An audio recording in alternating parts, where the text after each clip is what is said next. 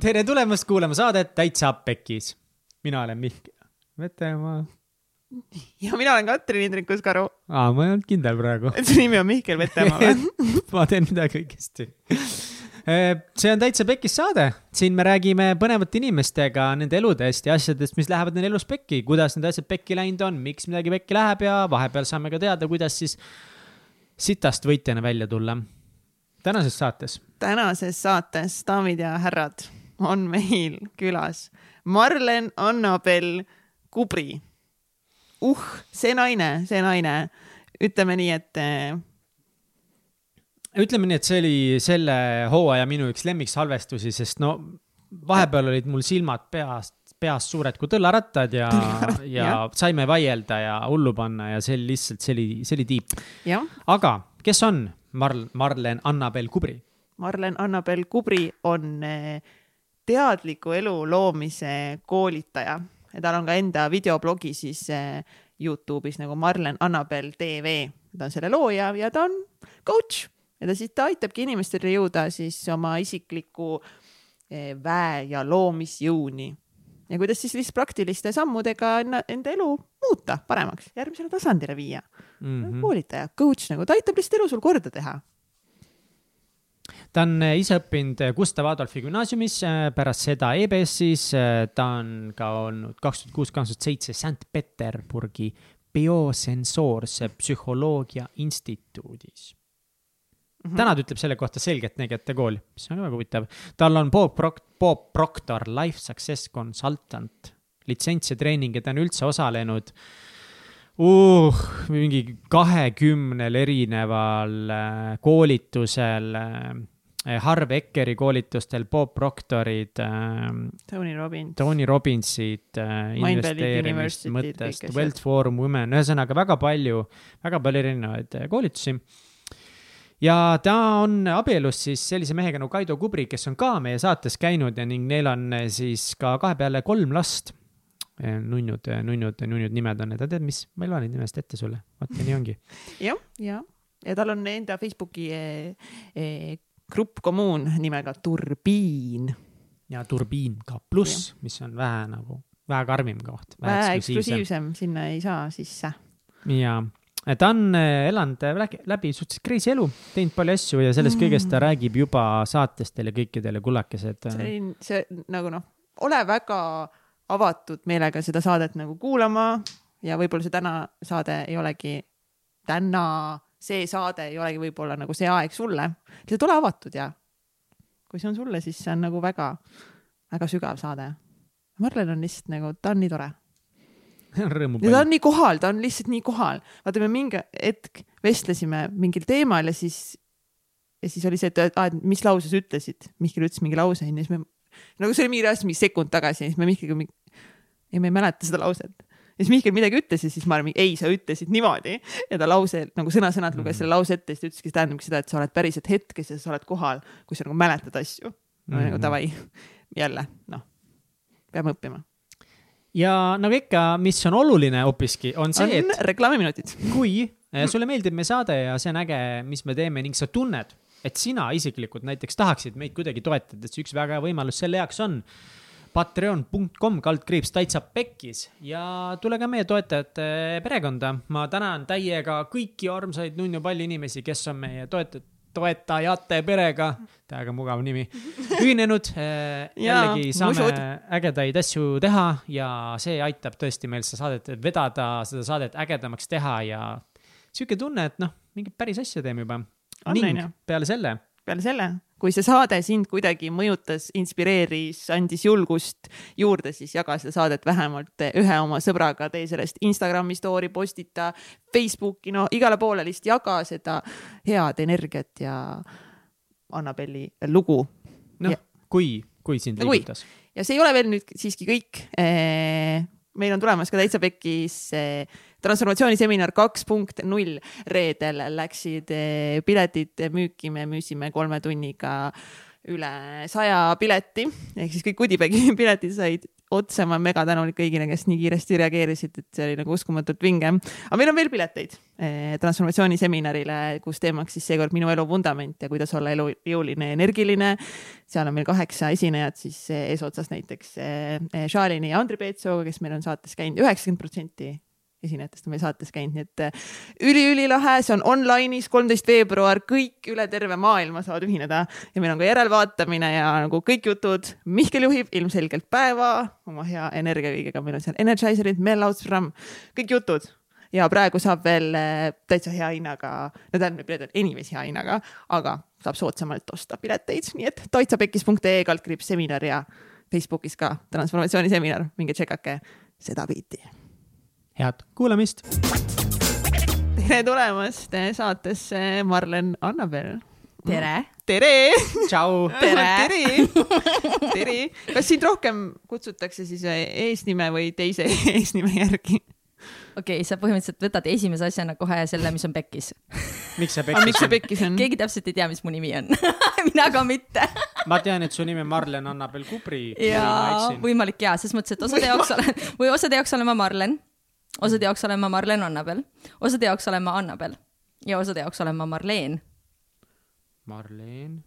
jaa, sest lapsepõlvesõbrad nagu nende jaoks nagu kuidagi nagu nemad olid alati sellised, kes võtsid mind pika E-ga, mis siis kirjutati mm. ühega ja siis äh, lõpuks on see seis, et kui mu käest küsitakse, mis su nimi on, siis ma ütlen lihtsalt vali sealt midagi ja kutsu mind selle järgi, mis sulle endale sobib, et mul on kõigega okei okay.. sest et see on lihtsalt üks nimi, mis mulle antud on, mida ma siin kehastuses kannan ja noh, võib-olla nagu peaks lihtsalt mingi hetk järgmine hetk välja vahetama, nii nagu ma olen siin näinud teisi nagu ei, ära vaheta, ilus nimi on, ma saan tegelikult lastest, ma saan aru, Marlen, Marlen, ah, Marleen, ah, oled ikka Marleen, mis sa siin, Marlen no., mis sa jamad, Marleen. nii et kutsutakse igatepidi ja kutsutakse väga palju erinevad, erinevad seltskonnad eh, teavad mind erineva nime järgi. näiteks välismaa seltskondades, eh, kui ma käin koolitustel, siis seal ma olen enamasti Annabel ja sealt äh, tuntakse mind hästi palju rohkem Annabeli nime järgi, sest seda on neil lihtsam inglise keeles mm -hmm. äh, omaks võtta ja hääldada. et üks on nagu rahvusvahelisem ja Eestis vist on rohkem Marlen ja osadel on kindlasti alandatud Marlen Annabel, nii et jaa. super. alustasime sellest, mis on kohe pekkis. ei, ei ole pekkis Va. võid valida täpselt sellise nime ja õiget vastust ei ole olemas. aga proua Kubri proua Kubri, mina tahan proua Kubri see on ka pekkis, tahad selle kohta ka teada või? hakkasin käima mina Kaidoga. nii. üritasin rääkida sõbrannale, et mul on sihuke tüüp nagu vaata, me käime ja särki-värki ja siis, ja siis äh,, ja siis ta küsib, et mis ta nimi on. ma ütlen Kaido. ja siis ta küsib, et okei okay,, ja mis ta perekonnanimi on? mina ütlen Kubri. mille peale sõbranna, mida? ma ütlen Kubri. selle peale ta ütleb, kuri ütlesin ei, Kubri. ja siis selle peale ma saan aru, et kogu mm, kooliaja oli mul hüüdnimi Marlen Kuri. ja siis ma manifesteerisin endale mehe, kelle perekonnanime võib ainult ühe tähe ära jätta ja siis sa saad ka Kuri. nii et äh, see on ka pekkis. miks sa kuri olid? miks ma kuri olin mm? -hmm aa, vau, okei, nii, lähme nii huvitavatesse kohtadesse kohe. miks ma kuri olin? ma tegelesin tollel hetkel äh, issand jumal, selliste asjadega, mille peale ma ei ole nagu päriselt nagu mingi, ma ei tea, kui kaua mõelnud uh,. oli selline noorteühendus nagu Tegusad Eesti Noored mm, -hmm. TEN. Ma olin selle asutajaliige. päriselt wow.? jah miks sa noogutad selle peale, nagu sa teaksid seda või midagi? muidugi tean oh,. päriselt või no, kes ei ole kuulnud tegusatest Eesti noortest? oh, vau, okei, ühesõnaga jah, ma olin üks asutajaliikmetest ja siis äh, mind nats nagu võib-olla nagu mu vanemad nagu sõbrad panid mind näiteks tanki sinna, ma olin nõukogu esinaine, aga ma kunagi ei saanud päriselt aru, mida ma tegema pidin. ja siis mul olid õiged dokumendid õigetes kohtades ja siis ma lugesin kõva häälega neid ette ja siis ma olin väga tähtsa koha peal, aga ma tegelikult ei saanud väga hästi aru, mis ma tegema pean. ma olen natuke blondim, kui inimesed arvavad. ja siis ähm,, ja siis ja siis, kui ma seal neid oma kohusetu-, kohuseid täitsin, siis nii mõnigi minu kohustustest oli korda pidada asjade üle, et asjad käiksid nii, nagu dokumentides ette on nähtud. no ja siis natukene võib-olla noh, jah, tekitas mulle sellise rolli, et, et kui ma midagi kamandasin ja majandasin, siis ma võisin natukene kuri olla. Aga siis... nüüd ma enam ei ole. nüüd ma olen ainult nunnu. raske ette kujutada, sest sellest hetkest peale, kui sa siia tulnud oled, sa oled siuke rõõmupall olnud ja, ja mind hoiatati ette ka, et oi, kui Marlen tuleb, siis ta on väga rõõmus ja positiivne, sa hoia alt. ei hoiatatud ette, et hakkab panniga laiatama ja Ei, nagu ei. mingi kuri olema, eks ole. ei, seda kindlasti mitte aga ometigi äh, lapsepõlv mõnes mõttes oli sul väga raske, et põhjust kuri olla maailma pihta, enda pihta või ma ei tea, mille pihta Tead- on ju päris palju. tead, seal ongi vist niimoodi, et tegelikult esimene viisteist aastat oli kõik nagu roosa manna mm., peale seda läks pekki. mulle ikka meeldib see teie saate pealkiri, täitsa pekkis, läks pekki ja siis äh,, ja siis sealt edasi tegelikult ma arvan, et äh, kes mind keskkooli ajast teavad, siis äh, nad võisid näha küll väga katkist tüdrukut väljapoolt mis siis juhtus? ähm,. juhtus see, mis juhtub väga paljudega tänapäeva maailmas, ehk siis äh, ma olen läbi teinud selle kogemuse, kus minu vanemad läksid lahku. aga noh, ütleme siis niimoodi, et need lood on hästi erinevad, onju üks asi, millest ma olen aru saanud, on see, et äh, vahet ei ole, kas su vanemad on koos või lahus või milline su lapsepõlv oli, keegi meist ei ole tulnud lapsepõlvest läbi ilma traumadeta. Ole, kõik on nagu katkised kõik. me oleme katki. kõik on katki ja see on nagu esimene asi, mis on pekkis nagu, et vahet ei ole, see oli üks asi, mis me Kaidoga üks hetk nagu vaatasime üksteisele otsa, ma ütlesin lihtsalt vahet ei ole nagu, mis me nende lastega üritame nagu kasvatada, et meil on kolm last. et äh, niikuinii keerame pekki nagu, et, et noh, et nad ikka saavad oma traumad kätte. see on see nagu klassikaline meem nagu, et noh, et, et sina oled ühtemoodi pekkis ja. Kaido on teistmoodi pekkis ja siis te olete mingi niimoodi, me küll oma lapsi pekki ei keera, siis see laps on kolmandat moodi fucked up ja see lihtsalt. on klassika selles mõttes, et mida inimesed tegelikult teevad äh,, see on hullult äge koht, mis sa välja tood äh,. mida inimesed tihtipeale teevad, on see, et äh, nad on ise saanud üles kasvatades ühe kogemuse, võtame ükskõik millise eluvaldkonna, nad on saanud mingi kogemuse ja siis neile see kogemus, juhul kui, oota nüüd läheb väga keeruliseks, aga ma proovin selle lihtsaks teha. juhul kui see kogemus oli äh, sihuke neutraalses skaalas vanemad näiteks ema palus sul koristada tuba, aga ta nagu mingi hull friik ei olnud, siis enam-vähem samad koristamisharjumused, mis su vanematel olid, said sina ka. näiteks tegite koos süüa, ma ei tea, kui palju te liues liikusite, trenni tegite, kõik siuksed asjad, mis ei olnud liiga ekstreemsed, sa võtad selle üks-ühele oma alateadvusest üle. nüüd, kui su vanem käskis sul teha midagi või surus su tegema midagi üle võlli palju, siis mis me tihtipeale teeme, on see, et kui me ei saa liiga suurt traumat, siis me kopeerime üks-ühele oma vanemat, aga kui me saame suurema trauma, siis me lähme sellele risti vastu. ehk siis näiteks minu vanaema kasvatas minu ema äh, meeletus sellises ähm, kontrollis ja hoituses, sest minu emal oleks pidanud olema õde, keda enam ei ole. ja selle võrra mu vanaema oli hästi nagu kaitsepositsioonil selle ühe lapse suhtes, kes tal alles oli ja minu ema keris siis sellest nii-öelda väga kontrollivast nagu lapsepõlvest üle enda lapsi kasvatades teise äärmusesse, milleks oli, et teil on täielik vabadus, tehke, mis tahate. ja see on see, mis hästi palju juhtub. ehk siis tegelikult, kui me räägime alateadvuse kujundamisest, siis meie lapsepõlv kujundab meid läbi selle, et kui me saame siukse enam-vähem neutraalse kogemuse, siis me kopeerime üks-ühele ja kui äh, on midagi väga ekstreemselt pekkis, siis me kerime teisele poole üle. mille võrra tegelikult kohati, kui me räägime pekkis lapsepõlvedest, need, kellel on väga raske lapsepõlv olnud, nad on isegi heas seisus. Sest nad teavad, mida nad ei taha. kui nad on olnud näiteks olukorras, kus üldse ei olnud raha, kui nad on olnud olukorras, kus oli vägivald kodus, siis nad teevad hästi radikaalse sisemise otsuse, et see on see, mis mulle ei sobi, ma ei taha seda. ja kui nad leiavad selle jõupunkti, siis nad keeravad selle teistpidi. ja, ja noh, see on kogu kütus nende eluks kõige keerulisemas olukorras on need, kellel on olnud sihuke keskpärane Eesti sihuke nagu kõik oli okei okay elu nagu sest, et nende mugavustsoon on see, et neil on kõik vajadused enam-vähem kaetud olnud, neil on nii palju raskem leida seda motivatsiooni, miks muutuda. ja selle võrra minu pekkis nii-öelda pekkis-pekkis algas siis, kui vanemad lahutasid sest sealt üleöö tegelikult kogu minu elukorraldus lihtsalt muutus äh,. kuna ma isa uude ellu kaasa ei sobinud ja ei läinud, siis ma olin üleöö ilma äh, armastusest. ja kõige raskem koht selle juures oli see, et enne seda päeva, kui mulle öeldi, et nad lahutavad, ei olnud mitte ühtegi märki kodus. aga kas muidu nad olid siis nagu armastavad vanemad nagu, et noh, kõige klassikalisem, kõige normaalsem väljapaistev perekond ever nagu sihuke nagu tõesti, sa vaatad peale ja mul oli täiega selline roosamanna unistus nagu sellest, et meil on nagu vaata kui nunnu, kõik imetlesid meid väljapoolt, et kui ilus äge perekond ja siis käis see pauk.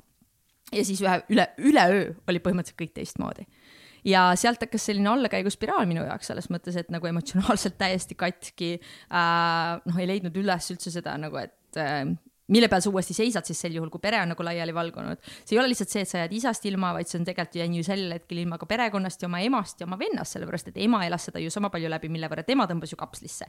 vend elas seda läbi, mille võrra tema elas seda noh, sisemiselt läbi ja tõmbas kapslisse. ja siis äh, finantsprobleemid tekkisid väga kiiresti, sest et perekond läks laiali ja siis sellel hetkel äh, noh, ema jõud üle käia sellest kõigest, mis meil oli tollel hetkel, ei olnud pooltki sama, mis nende koos ühine jõud on ju. no mis juhtub väga paljude lahutavate perekondadega, et naised jäävad raskesse seisu lastega. mis tähendas seda, et ma läksin tööle. aga kas isa ei toetanud?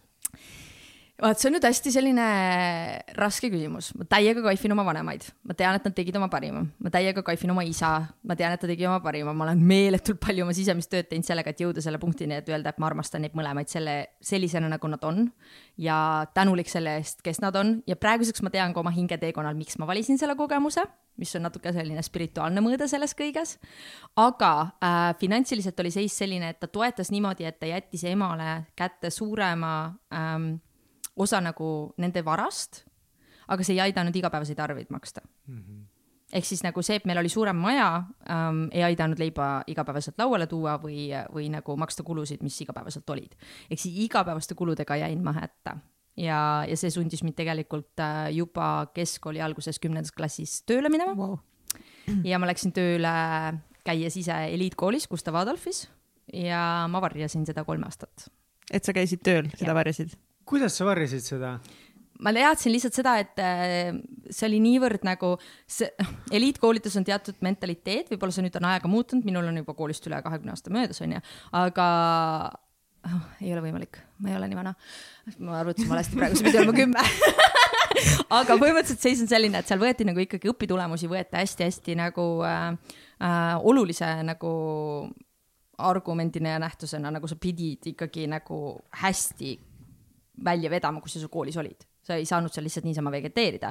ja kui sul olid õpitulemustes kuskil mingisugused lüngad sees ja tuli välja, et sul on huvi kuskil mujal, siis sul oli väga palju raskem nagu koolikeskkonnas hakkama saada, mille võrra ma varjasin seda, et ma käin tööl. oota, kus sa käisid siis tööl, et sa said seda varjata, et keegi kuskil ei näinud sind või? Äh, ma käisin peale, minu esimene töökoht oli siis, kui ma olin, kas oligi kuusteist äkki ja ma käisin müümas pileteid sündmustel ja ka siis ühes ettevõttes, mis tollel hetkel alustas selliste sündmuste piletite müügiga. ja siis ma läksin peale kooli kuskil kolmest-neljast tööle seitsmest panin poe kinni, kaheksani tegin kassat ja õppisin nagu see oli minu kõige suurem matemaatika õppetund ever, nagu et ma õppisin kassasid kokku panema ja eriti hea oli see, kui pärast tuli välja, et praakpiletid olid need, mis mind nagu seal kordades kauem kohal hoidsid, kui ma oleks pidanud olema, asjad ei klapi, asjad ei klapi, siis pärast tuli välja, et ja siin on mingi praakpiletitega mingi kala. aga, ja siis kuskil äh, kaheksast ma startisin kesklinnast äh, trollidega trallallaa. enne üheksat jõudsin Mustamäe korterisse kuhu ma olin siis välja kolinud juba kodust selleks hetkeks. ja? Selle mm -hmm,, okei okay,, võtame üks sammu korraga. ja siis hakkasin õppima ja siis tegin oma keskkooli asjad ära ja siis järgmine hommik uuesti ülesse kooli. et äh, miks ma kolisin kodust välja? ma kolisin kodust välja sellepärast, et ma leidsin ühe esimestest äh, meessõpradest, boyfriend idest, kellega me kokku kolisime. pluss mul oli sihuke hmm, kuidas ma seda nüüd viisakalt välja ütlen, siis ma räägin oma vanematest samal ajal. ma räägin oma vanematest samal ajal. Okay, ma, ma panin oma ema teadlikult surve alla, et ta peab selle maja maha müüma, mis oli meile liiga suur. sest seni, kuni mina olin seal, siis ma tundsin, et tal on ikka veel see tunne, et, et nagu me ei lase sellest lahti, aga finantsiliselt käis see meil üle jõu ja siis ma sain aru, et ma ei saa teda liikvele muud moodi, kui ma võtan oma finantsi tagant ära, siis ta saab aru, et, et me ei saa sinna jääda, sest et noh, perspektiivis kümme aastat ja nii edasi sa ei ela oma ema ja vennaga ühe katuse all, makstes ühiselt suure maja kulusid. et see polnud see tulevik, mida mina nägin, et mina teadsin, et ma tahan olla iseseisev ja vaba.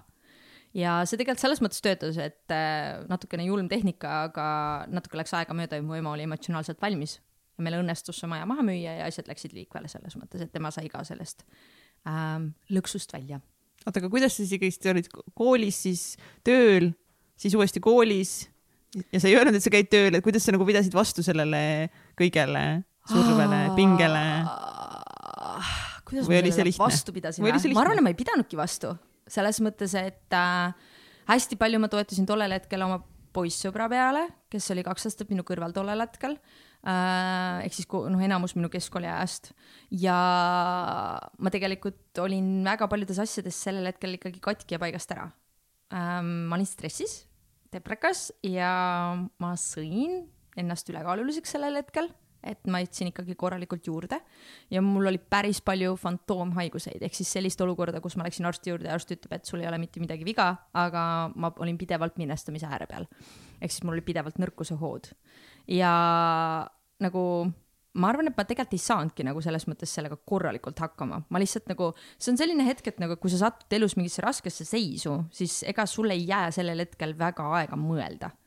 nagu mina teadsin lihtsalt seda, et minu äh, sissetulekud olid äh, eluliselt olulised selleks, et mul oleks elukoht ja mul oleks söök, aga mul oli seal äh, olukordasid, kus äh, ma käisin talvel väljas näiteks potastega, sest mul polnud raha, et osta talvesaapaid ja ma ei olnud võimeline seda raha saama ei oma emalt ega isalt tollel hetkel. ja ema ei andnud sellepärast, et tal polnud ja isa ei andnud sellepärast, et ta ei uskunud, et ma küsin seda raha päriselt nende saavaste jaoks. vaid äh, ta arvas, et see võib olla mingi manipulatsioon või midagi sellist, ehk siis noh, seal on olnud nagu hästi palju siukseid emotsionaalseid haavu, et, et mis tunne on jääda nagu, nagu päevapealt ilma toeta. aga tänaseks päevaks nagu ma vaatan lihtsalt tänutundes sellele kõigele peale, sest ma saan aru, et nagu, et kui mind ei oleks nagu elu nii kõvasti nagu mudasse nagu tampinud, siis elu sees ei oleks ma ka niimoodi nagu katapulteerunud sealt nagu mudast üks hetk välja ja nagu leidnud, leiutanud seda ägedat elu, mis mul tänaseks päevaks on. Aga mida sa siis tundsid, kui äh, inimesed olid kakskümmend hakkasid ülikooli minema ja et oo nii lahe ja nüüd otsime töö ja sina olid juba Tolleks aastaid tööl käinud ja tolleks hetkeks olin mina nagu selles seisus, kus põhimõtteliselt mina ähm,, ma tegin väga teadliku valiku, kui ma tulin keskkoolist välja, siis ma teadsin, et kui ma lähen ülikooli, siis üks äh, väga suur nagu argument minu jaoks oli see, et päev oli vaja vabaks saada. sest kui sa nagu oled käinud äh,, proovinud leida töökohtasid, mis sobituvad nagu äh, sellele, et sa päeval ei saa kuskile minna, siis esimene argument oli, et ma pean minema õhtul kooli selleks, et ma saaksin päeva vabaks. ja tolleks hetkeks ma olin juba jõudnud paari töökohta proovida ma peale seda piletimüüki liikusin edasi kodulehtede valdkonda ja olin müügis seal mm.. ma müüsin kodulehekülgi ja disaini, aitasin nagu tehniliselt koostada seda, et kuidas see kõik välja peaks nägema, mida iganes uh,. ja siis ma sattusin Ilusalongi sisustuse müügijuhiks. seal oli üks reegel, ma ei tohtinud klientidele öelda, et ma olen alaealine. kui vana sa olid? seitseteist. Vau.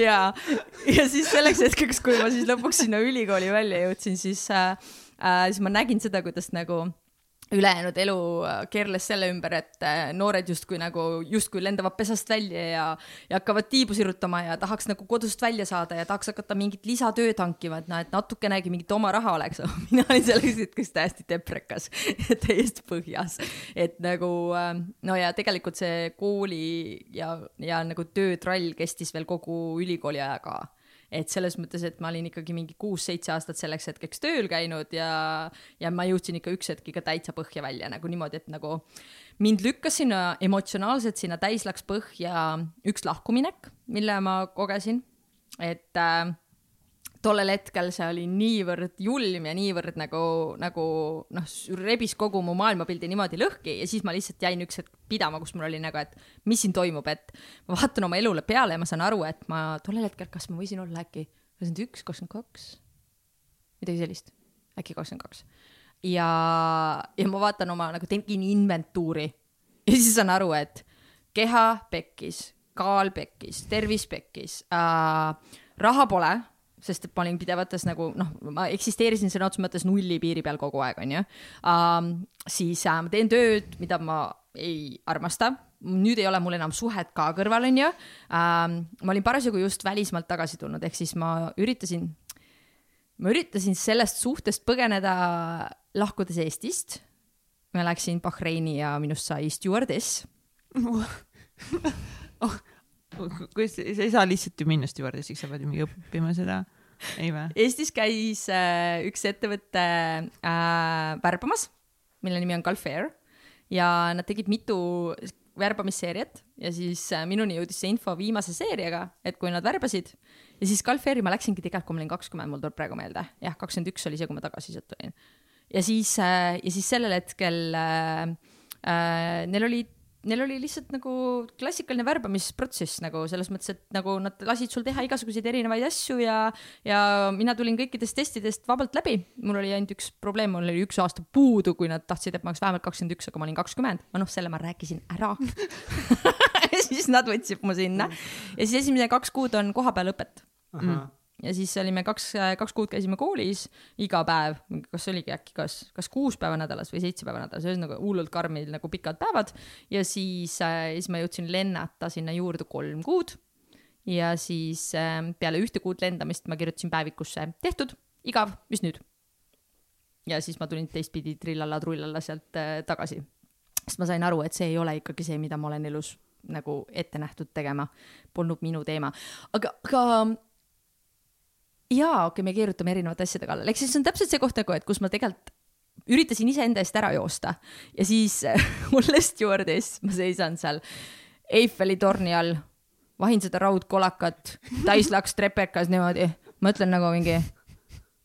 aga inimesed ütlesid, et siin on mingi armastuse tunne ja siin pidi nagu hea olema. kuidagi ei lähe üldse paremaks.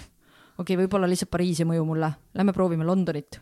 okei okay,, Big Ben mitte midagi ei muutu. okei okay,, Sydney, ooperimaja. nüüd. kurat, ikka on siit olla. okei okay,, fine.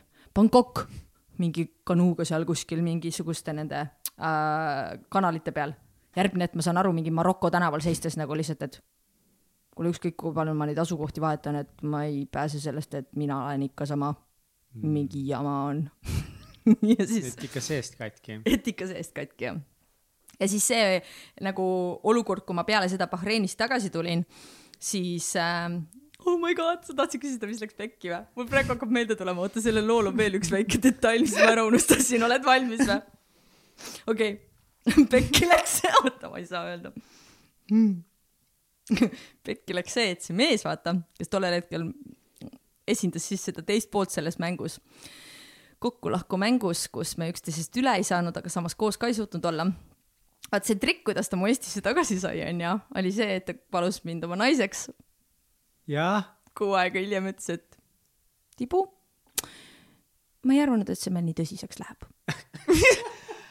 oota, ta tahtis sind Eestisse, siis Eestis palus sind, sa läksid Eestisse tagasi? ma läksin Eestisse tagasi selle teadmisega, et me abiellume ja kuu aega hiljem ta jättis mu maha aga miks sa tahtsid, miks sa olid nõus, miks sa jah ütlesid? kuule, ma olin miljoni sees sellest mehest, selles mõttes, et nagu, et ja. nagu come on, nagu see kogu see lahkuminek ja kõik oli tulnud üldse niimoodi, et nagu, et, et me kumbki tegelikult polnud üksteisest üle, me lihtsalt ei osanud suhteid hoida, me ei osanud oma kirega hakkama saada ja see on nii klassika, vaata nagu meil tegelikult ei õpetata ju mitte midagi, meil ei õpetata inimsuhteid, meil ei õpetata iseenese juhtimist, meil ei õpetata nagu mitte midagi sellist, mis tegelikult elus nagu meid kandma hakkab, kui see koolisüsteemist välja tuleb, siis enesejuhtimise protsess on täiesti puudulik, onju.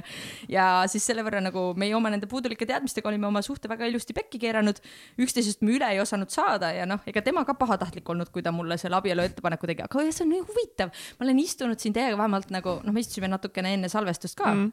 ja mul ei tulnud meelde, et mul läks pekki see, et mul paluti abielluda ja siis öeldi, et tegelikult see pole päris, see tegelikult vist läks suht pekki sellel hetkel, nagu mul läks viis aastat, et üle saada, aga ma olin ära unustanud sa oled üle saanud. sa oled üle saanud ma arvan, et mul on nii paljud sellised asjad, millest ma olen tänaseks päevaks niimoodi üle saanud, et, et lihtsalt lampi nagu võib meelde tulla, et aa ah, jaa, see oli ka oh,. See... aga mis sa oma eluga nagu peale hakkasid, sa tulid sealt tagasi, siis äh, jäeti maha sind?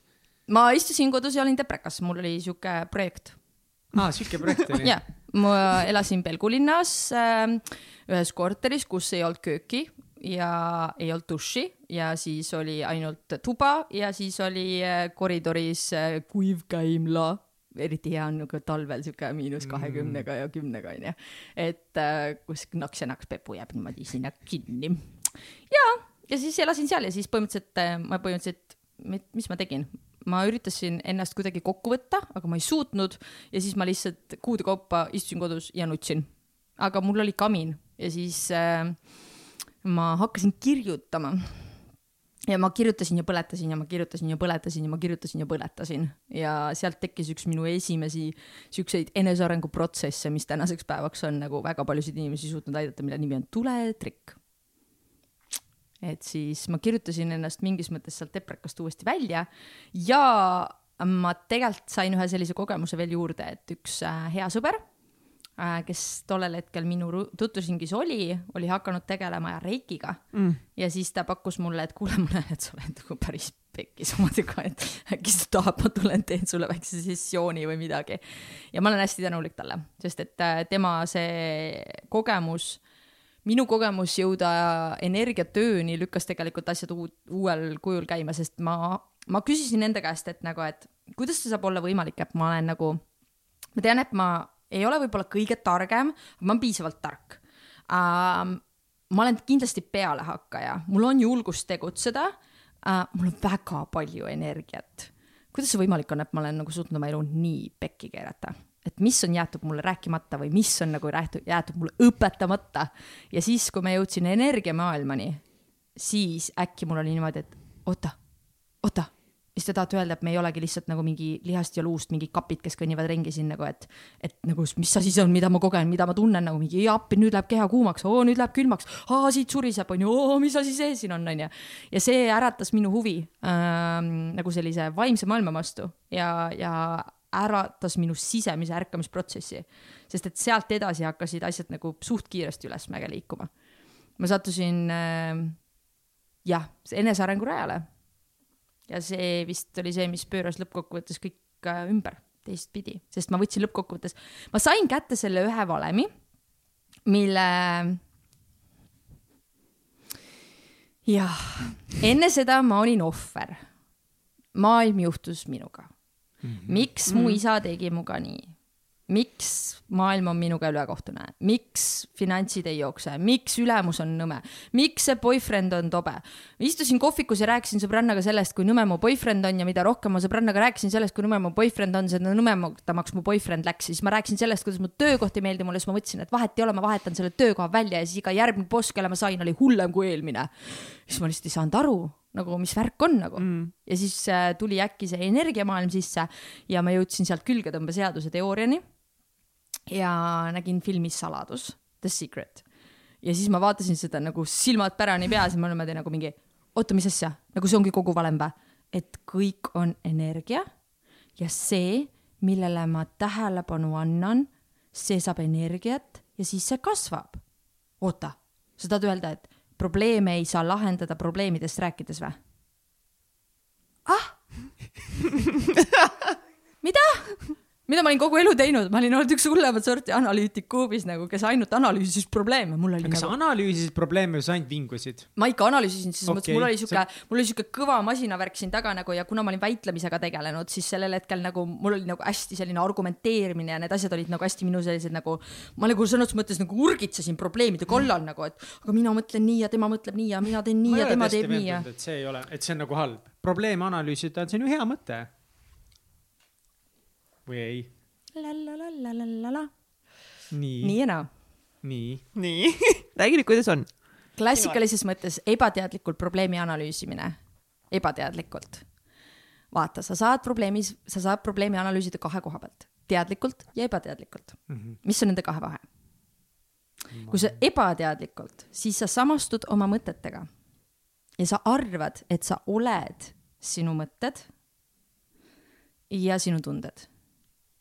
Ja sel juhul, kui sa keerutad oma shitas, siis ükskõik kui palju sa keerutad, arvates, et sina ise oled see, mida sa, mida sa analüüsid, sa elus ei taha seda ära anda.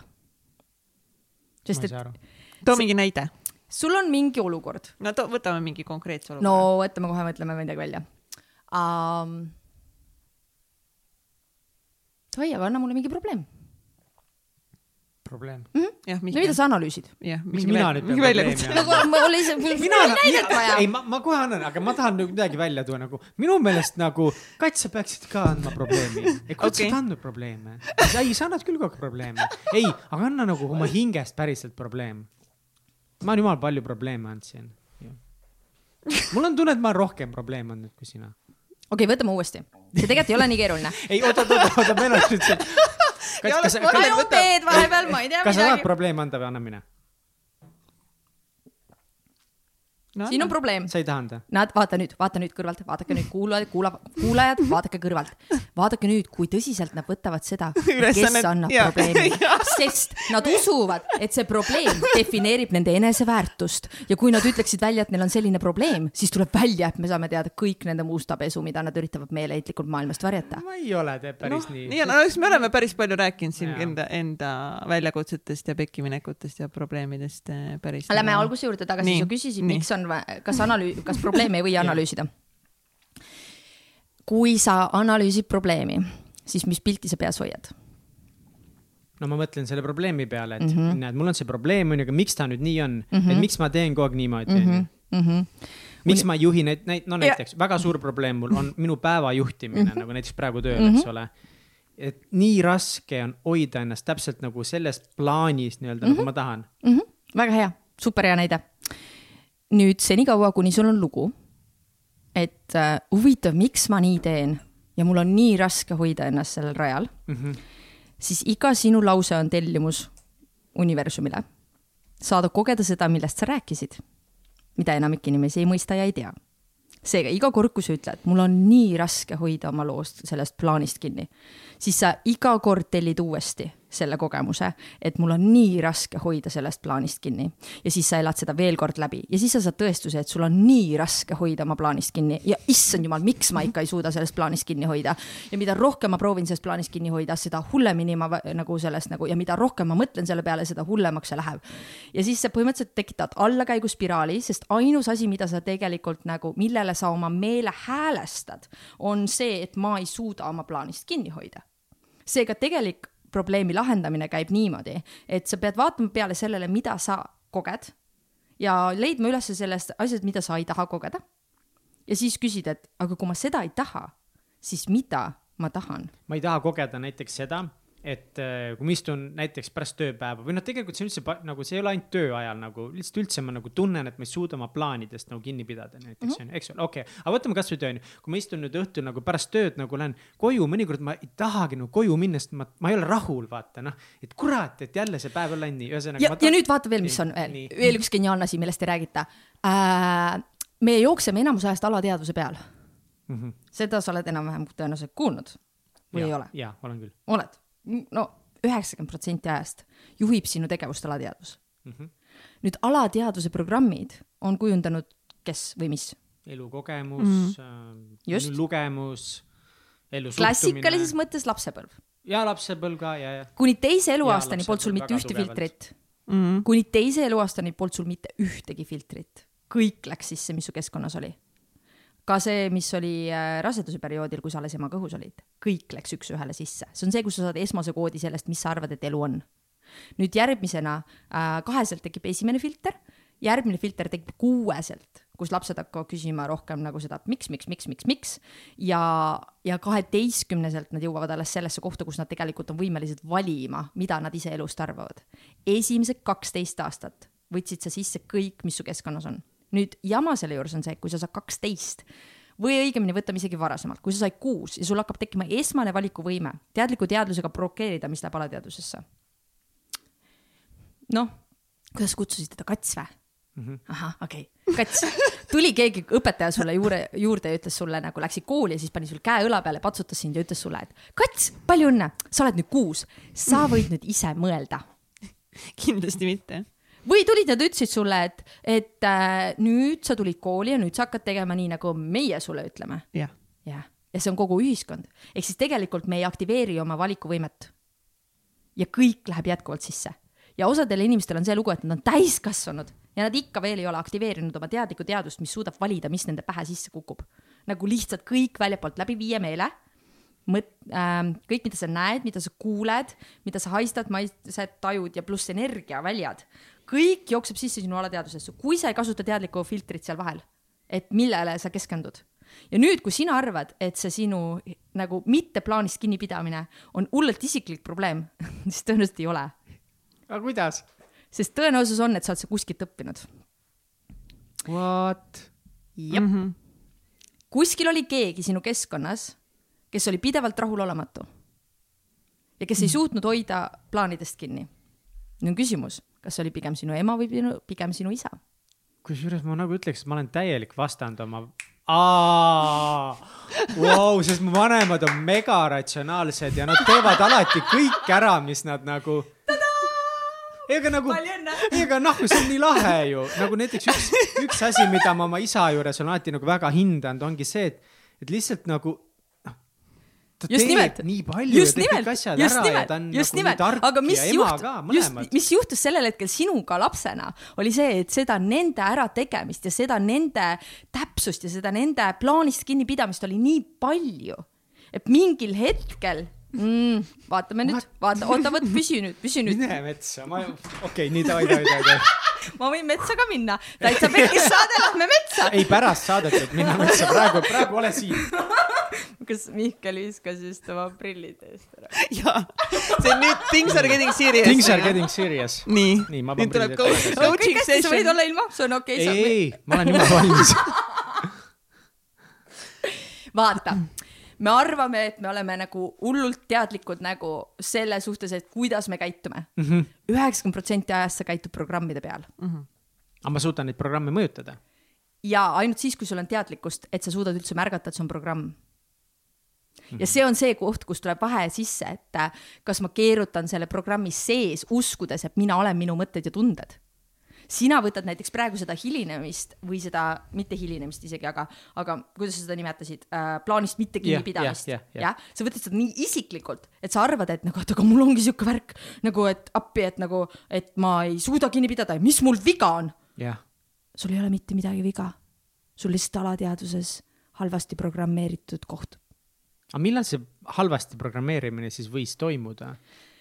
enamasti ei ole niivõrd oluline see, et me suudaks tuvastada täpselt, kust see vale programm tuleb mm. -hmm. aga kui sa natukene kaevaksid niimoodi, et ma saan sulle nagu ruumi hoida, nagu coaching sessioonidel või tervendussessioonidel ma teen, siis sellel hetkel me tõenäoliselt leiame ülesse, kust see tuleb, aga klassikalises mõttes selleks, et enesega tööd teha ja ennast toetada, me ei pea teadma, kust meie programmid kõik pärit on, sest et nagu, no sorry, meil on kogu elu kohta mingi kood, mingisugune arusaamine, mida me arvame elust. me ei suuda tuvastada kõiki neid asju ja meil ei ole ka vaja seda, selles mõttes, et alateadvuse ümbertegemisega on niisugune lugu kui sa hakkad sealt otsima neid vigu, siis esimese hooga inimesed ütlevad, et minul ei ole midagi.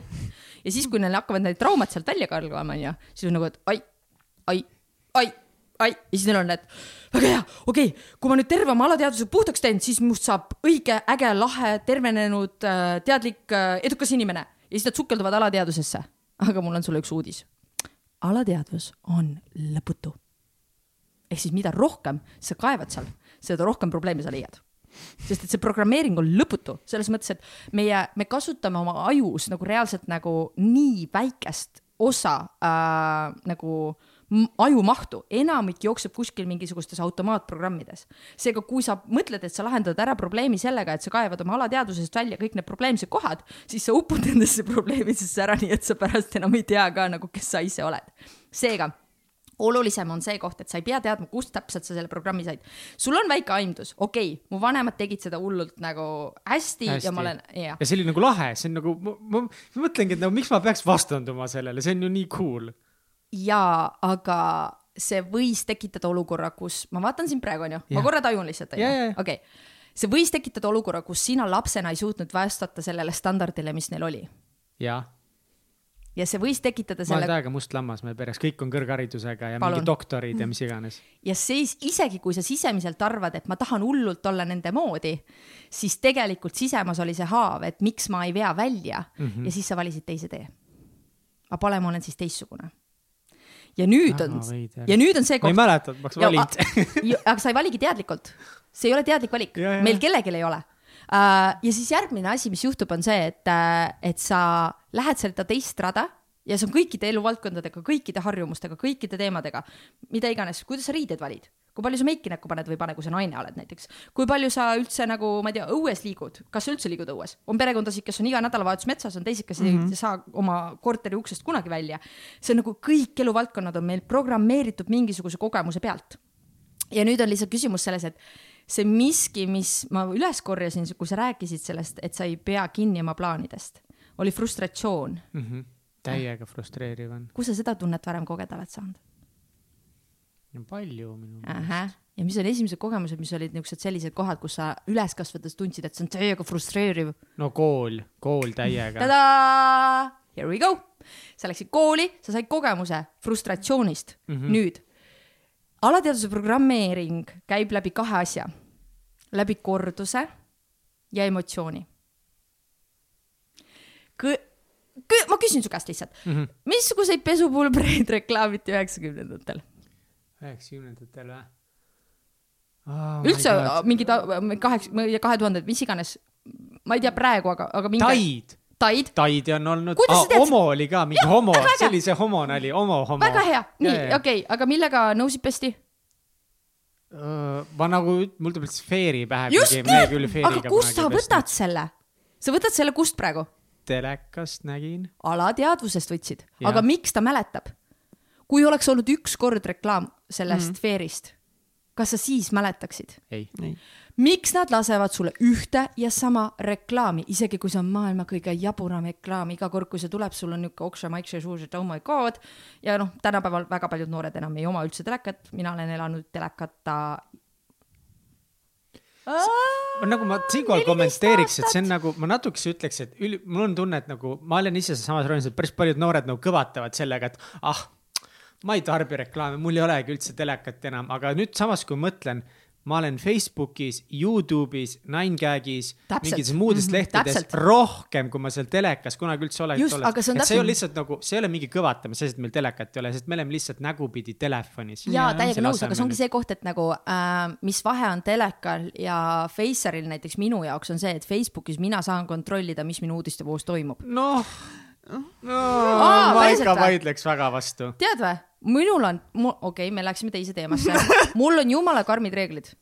Ma viskan Faceris reaalselt kogu aeg asju välja, mis annavad mulle negatiivset infot. okei okay,, no selles mõttes No jah, jah, kui sa nagu jah. ikka tõesti igapäevaselt sellega töötad muudkui, aga nagu kogu internet, kogu see, see algoritmid, mis seal mm. taga on, nad nagu kogu aeg loevad, loevad loevadki, seda. aga kui sa aga oled pakuvadki sulle sa seda pakud reklaami, see- mis. mida sa tarbid. ja mida sa tarbid. just, ja selle võrra nagu meil seal on suurem kontroll selle üle, aga see töötab, töötab ainult siis, kui sul on piisavalt julgust. aga teistpidi Et, too äh, nagu meil on suurem kontroll valida võib-olla nagu, mida me tahame näha, mida me ei taha näha, aga samas manipulatsioon meie Aa, üle on veel tugevam. absoluutselt ja sest selle me võrra valime endale sobivaid asju. ja me ei tea üldse, mis väljapool toimub. absoluutselt, aga lähme tagasi selle Jaa, juurde, miks nad see on täiega õige teema, see on täiega õige teema, me oleme tegelikult infosõjas praegu. ma Mhm. totaalselt infosõjas, ma olen täiega nõus sinuga. aga mis sealt välja tuleb, on see, et laias laastus, miks meile söödetakse ühte ja sama asja söögi alla, söögi peale. No ikka, et nagu noh, et programmeeruks alateadvusesse. No mis laul, mingi Karglas parandab, Karglas paigaldab. no täpselt, see on haige. kust see tuleb ja see tuleb sellest, et seda on nii kuulnud. palju korratud ja Jaa. nüüd on niimoodi, et meie alateadvus kujunebki niimoodi. meie alateadvus kujuneb niimoodi, et me saame teatud kogemused kordusena ja teine asi, mis meie alateadvust kujundab, on äh, tugev emotsioon. ehk siis, kui midagi juhtus mm. ja sellega käis nagu emotsionaalne pauk kaasas, siis see läks momentaalselt järeldusena nagu kogemusena niimoodi su süsteemi sisse, sest me oleme üles ehitatud sellele, et jääda ellu seega, kui äh, mind jäetakse näiteks maha lambi hetkel, siis sellel hetkel mul on nagu kogu elu jäi seisma ja ma tegin järeldused sellest, et ma ei tea, armastus ei ole turvaline, mehi ei saa usaldada, ma ei tea, mis iganes muid asju seal on ja. või et näiteks, et ähm, äh, kui kellelgi on olnud näiteks autoõnnetus või mis iganes, et need on hästi sellised nagu või keegi sai telefonikõne, milles oli nagu mm -hmm. halvad uudised. Et, et noh, need asjad mõjutavad meie elu. Ja see on see koht, kuhu jääb nagu meist väga suur osa nagu jääb kinni sellesse hetke emotsiooni. nüüd sinus sellel hetkel, kui sa rääkisid sellest frustratsioonist peale päeva suhtes, tuli üles see emotsioon, kui ma sind jälgisin, tuli üles see emotsioon sellest, et nagu, et nagu, et mm, mm, miks ma ei suuda tuleb järgmine alateadvuse trikk. oled valmis või? vaatame, kuidas teil ajud siin kärssavad kahekesi. iga emotsioon on keemiline komponent meie Jah. kehas.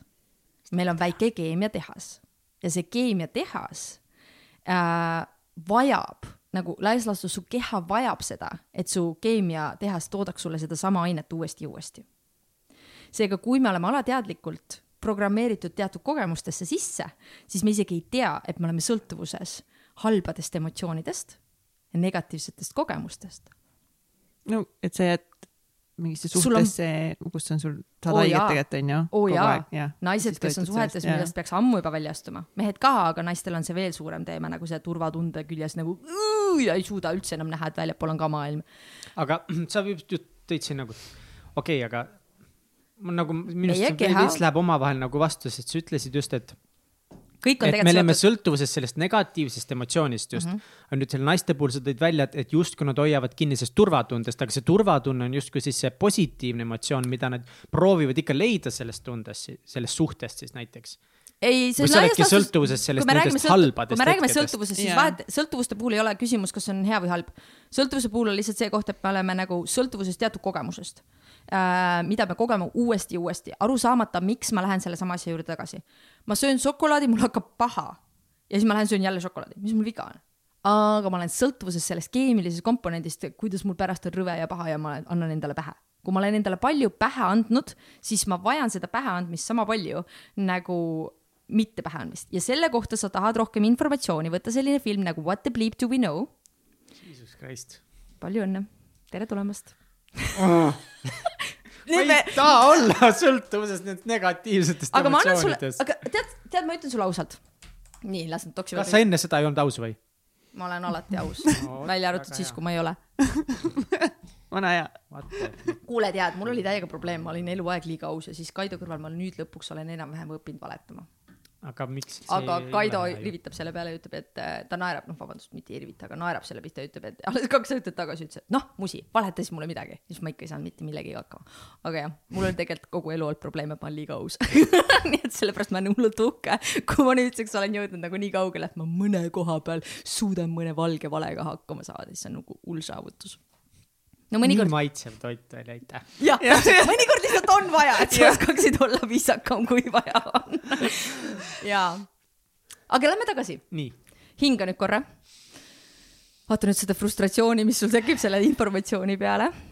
ja siis mulle tekib küsimus, et äh, mis sul tekib, mis sinust juhtub, kui sa sellest kõigest praegu teadlikuks saad? no ma hakkasin mõtlema, et, et ma, noh, selles mõttes, et kõik, mis sa räägid, ei ole ka ju täiesti uus mulle, eks ole. et ma nagu midagi ma olen lugenud ka, et mul tekkis jällegi nagu see mõte või siis esimest korda ma ei tea, et, et, et kurat, ma pean ikka positiivsele keskenduma ja mõtlema sellele, mida ma tahan päeva lõpus tunda. mitte ja. sellele, et nagu, või no mitte see, et ma lihtsalt tunnen seda tohin, halba. ja kas ma tohin sind midagi näidata sulle veel? sa tohid kõike näidata. ma näitan sulle oh,, täiega kõike, aga absoluutselt, go crazy. Here we go, baby. Ka see, et sa oled harjunud analüüsima probleemi, on lihtsalt üks programm, sest meie koolisüsteem on üles ehitatud millele? sa tegid töö, sa andsid selle sisse, sul oli üheksakümmend viis protsenti õige, sa tuli tagasi, millele oli keskendutud? Need punased ringid nende mm -hmm. kohtade peal, mis oli viis protsenti valesti. Mhm. me oleme programmeeritud juba koolisüsteemist alates keskenduma vigade parandusele ja vigade üles otsimisele.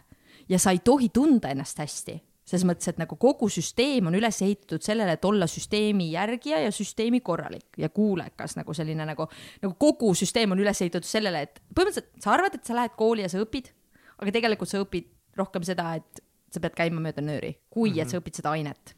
ja, ja see on karm ja selle taust on veel karmim, selles mõttes, et koolisüsteem on tegelikult loodud üle saja aasta tagasi ja selle, kas sa tead, mis selle eesmärk oli? Töölis äh, neid äh, töölisklassi ehitada. aga selles mõttes nagu, noh, mis ma tahan korra nagu vahele öelda, see, et, et see, kuidas nagu koolisüsteem üles ehitatud on, see on nagu jah, halb ja üliiganenud ja no me oleme Katsiga siin rääkinud, no me oleme mega koolivastad. aga põhimõtteliselt see, et me õpetame seal geograafiat ja bioloogiat, iseenesest minu meelest on mega hea, sest mega suur probleem tänasel päeval on ka see, et inimesed lihtsalt fucking ei tea geograafiat ja bioloogiat ja seepärast nad on nii lollid. aga võib-olla probleem ongi seepärast, et koolisüsteem on lihtsalt nii halb, sa ei suuda edasi anda neile vaata seda. see, vaata nagu noh, õppimisel ja õpetamisel on suur vahe ja kindlasti ja, ja, ja loomupäraselt tegelikult me kõik oleme mega uudishimulikud mm. -hmm. lapsed on mega Mhm. uudishimulikud mm, -hmm. sa lihtsalt ei suuda ära vastata enne kooli, sa ei suuda ära vastata kõikidele nendele küsimustele, mida nad suudavad küsida. mis juhtub koolis? Miks nad siis enam ei küsi seda kõike? ehk kui me laseksime lastel loomupäraselt minna oma huvide järgi, siis need, kelle elutee peab viima neid kelle hingekutse ongi kokku puutuda selle geograafia ja bioloogiaga, need kaevaksid ennast sinna sisse nagu niimoodi, et nad tulevad sul välja selliste geeniustena, et vähe pole. ehk siis me, meile kõigile meeldib õppida aga meile ei meeldi, kui meid surutakse ja meid õpetatakse, ehk siis meile praegu mm -hmm. täiskasvanutena ka, me tegelikult ju oleme kõik vabaõppel nagu, aga nüüd ma ei tea, õhtuks annan sulle ülesande, et äh, Katrin, täna õhtul äh, pead vaatama selle dokumentaalfilmi ja tee mulle selle kohta palun siis kokkuvõtte essee ja siis äh, kirjalikele vastustele, et mis sa sealt õppisid super.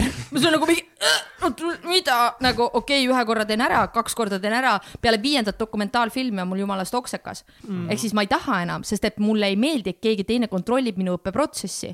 ja tegelikult on sama nagu ostmise ja müügiga, et äh, inimesed ütlevad, aa, mulle ei meeldi müük, mulle ei meeldi müük, onju. aga kõigile meeldib osta mm. -hmm me tahame osta, meile ei meeldi, kui meile müüakse mm, -hmm. me tahame õppida, aga meile ei meeldi, kui meile surutakse peale ja lasta. suunama peab ikka nagu, nagu selles mõttes ma arvan, et nagu õpetajaid selles mõttes on ikkagi vaja, et neid lapsi peab nagu toetama ja suunama sellel teel, et kui ta lähebki ise nagu seda avastama, keegi peab aitama teda mingil määral, et sa ei saa täiesti ka lasta nagu mingit. see on üks võimalik nagu... variant. no see, see, ma ei tea, kuidas see vorm. on olemas sellised asjad nagu unschooling ja see on õppevorm, kus äh, laps läheb läbi oma huvi ja juhib ise oma õppeprotsessi ja no, Venemaal on väga, see tähendab reaalselt seda, et nagu sa paned tähele, mille poole teda tõmbab. ei no nojah mm., okei okay,. ja siis sa annad talle järjest ja. kätte selle, mille poole teda tõmbab mm. -hmm ja sa lased sellel hetkel välja kujuneda sellel isiksusel läbi tema enda huvide ja kõik need teised asjad saavad ka selgeks, aga mis on põhiline asi, lihtsalt nad ei pruugi saada selgeks sellel hetkel nagu muidu koolisüsteem ütleks, sest et ma vaatasin näiteks oma poisse kui nad olid mingi kümme ja kaheksa, ainus, mida nad teha tahtsid, olid maadelda ja madistada, mitte kelle, neil ei olnud mitte mingit huvi mingisuguse, ma ei tea, lugemise või kirjutamise vastu. aga neil mõlemalt tekkis see sellel hetkel, kui nad natuke vanemaks said, sest tüdruk on neljane ja teda on väga raske eemal hoida pliiatsitest ja paberist. ehk siis nagu neil, noh, neil on tegelikult, igalühel meil on see oma ajaliin, millal me millenigi jõuame. ja meie ühiskond on ära kaotanud selle usalduse, et kui ma lasen hingel ennast vabalt ise juhtida ja ma toetan teda, siis ta jõuab õigesse kohta välja. siis me kardame, et äkki ei jõua. ja meil ei ole seda kogemust enam sellepärast, et. lapsed on mõlemad, kõik on koduõppel, eks ole? minu lapsed on koduõppel. lasteaias käisid mm, -hmm. aga Waldorf lasteaial. Äh, esimene laps käis ühe aastaga Waldorf koolis, aga peale ühte aastat me võtsime ta koduõppele aga kui mm -hmm. palju nagu võib-olla nagu me enne see teema, millest me enne rääkisime. mulle meeldib põnev. see, kuidas teiega ei ole võimalik otsi kokku panna nagu,. ei ole. Sorry, sorry kuulaja, nagu ma tean, et kui ma oma videosid teen, siis mul on niimoodi, et kui ma teen seitsekümmend neli otsa lahti, siis äh, nagu pärast video lõpuks mul on seitsekümmend neli otsa kokku ka pandud, aga noh, põhimõtteliselt vaadake siis, ma ei tea, kuskilt mujalt. siin ei ole mingi otsade kokkutõmbamist. kust tuleb kõikidele asjadele seletused. oota, mis see keemiatehasest sai, oota, mis sest alateaduse programmeerimine, kus sai, oota, vahet ei ole. nii, räägime koolisüsteemist. täpselt aga selles mõttes, et see nõuab ikkagi mega palju tähelepanu siis sinult. kui sa kolme last korraga homeschool'id, kuidas sa seda teed? vastupidi. ma lasen neil hästi palju ennast ise juhtida ja ma jälgin trende aga mis see nagu tähendab ise reaalselt nagu juhtida, et selles mõttes, et ma olen sinuga. mul on nagu näiteks keskmine kutt, keskmine kutt nagu, keskmine kutt on ja. täielik tantsumaniak nagu lihtsalt täielik tantsumaniak nagu, see on tema teema ja nagu äh,, mis tähendab seda, et ma mingi hetk hakkasin avastama, et ta nagu noh, nagu vanemad tegid tähelepanekud ja nii edasi, mul oli niimoodi, kuule, kas te panete tähele, et Kristjan tantsib kogu aeg mm. -hmm. ja siis nüüdseks me oleme otsinud talle kõik sellised trennid, mis toetavad äh, tantsimist mm. -hmm. Äh, kõige vanem poiss näiteks tõmbab täiega kaardid, ralli, ta on hullult hea selles ja teda tõmbab ka näiteks äh, arvuti nagu, kuidas ma ütlen äh,, seal on see eraldi spetsiifiline koht, aga ta teab äh, tarkvarast hästi palju mm. -hmm. ehk ta teab nagu tarkvara kõiki mingeid nippe ja trikke. see on no, nagu täiega. kõiki nippe teab? oi, Eerum, pane ta kõrvuti mingi iOS-i mingite update idega, ta räägib sulle kõik trikid ja nipid ära, nagu see on täiesti ajuvaba, mis taseme peal ta on oludega. ja no mina, mina õpin tema käest kogu aeg mm -hmm. nagu, aga äh, nagu kui sa jälgid last läbi tema tegevuste, siis seal on mingid asjad, mille peale tal vajub nagu mm, miks ma pean seda tegema mm. -hmm. ja meie klassikaline koolisüsteem ütleb, et siis suru läbi. ja see on nagu, esimene vale programmeering. nagu jah, siit tuleb edasi nagu elus üleüldse, siis nagu suru täiega. jah, ja see on esimene vale programmeering, me ei ole mõeldud siin maa peal ennast läbi suruma sellest elust aga elus on mingeid ju raskeid väljakutseid, mõnikord selles mõttes, et nagu ma, ma üldse jällegi nagu ma täiega feel in seda, mis sa räägid, aga ma ei. ma tunnen, ma tunnetan aga... sind seda nagu ka tookord, kui me Kaidoga oli, Kaido oli nagu mingi, sa võid teha neid asju mis sulle täi... ainult meeldivad, ma mingi, Kaido, mis kuradi sitta, sest Kaido, okei okay,, niimoodi lähme tagasi. ja nüüd on siin see teine. ka siin, sest Miklit ei olnud eelmine kord, vaata. Täpselt selles samas seisus. imelikud inimesed need on, põhimõtteliselt nad ütlevad, et ja me ütlemegi, elu ei ole mõeldud olema raske aga ükski projekt ei saa valmis, isegi projekt, mis, mis, millest sa väga hoolid, ma ei, lihtsalt ei usu et sa võtad mingi oma lemmikprojekti ja seal sees ei ole ühtegi rasket kohta, kus sa oled väsinud. oi oh,, vau, ta, tahad öelda, kuidas ma teen või no.? ma teen ainult siis, kui mul on tunne. kurat ma teen ainult siis, kui mul on tunne oh,. see on, see on ja ma teen teema. tunde järgi ja. ja mu tunne juhatab mind alati õigetesse kohtadesse. aga kas, kas sa oled kunagi koht... kellegi teisest nagu, sorry, ma nüüd. selline, nii. frustratsioon. sa ei ole kunagi nagu oma ühegi projektiga näiteks nagu. siis, kui ma veel ei osanud ennast armastada, siis. ei, ma ütlen koostöös kellegi teisega. ma lihtsalt annan ära kõik need osad, mida ma ei taha teha.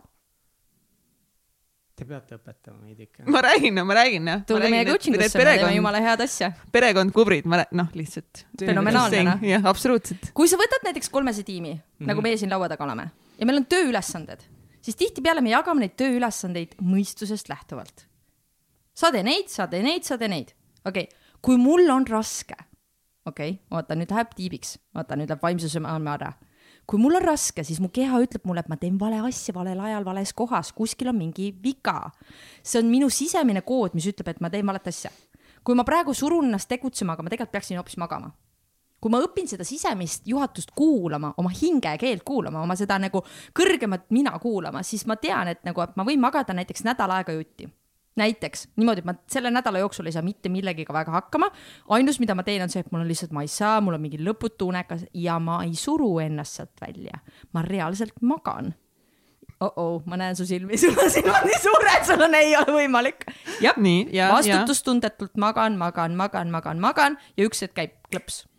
ja ma olen täiesti uue koha peal ja mul on mingi selline energiavoog, et nagu hoidke alt ja ma lihtsalt nagu teen kõik maailma asjad ära ja ma oskan ajastada oma tegevusi vastavalt oma sisemisele juhatusele, natukene nagu, nagu kui sa vaatad aasta aegasid, on ju. no ei ole mõtet võib-olla talvel proovida neid seemneid sinna mulda toppida, nad ei lähe.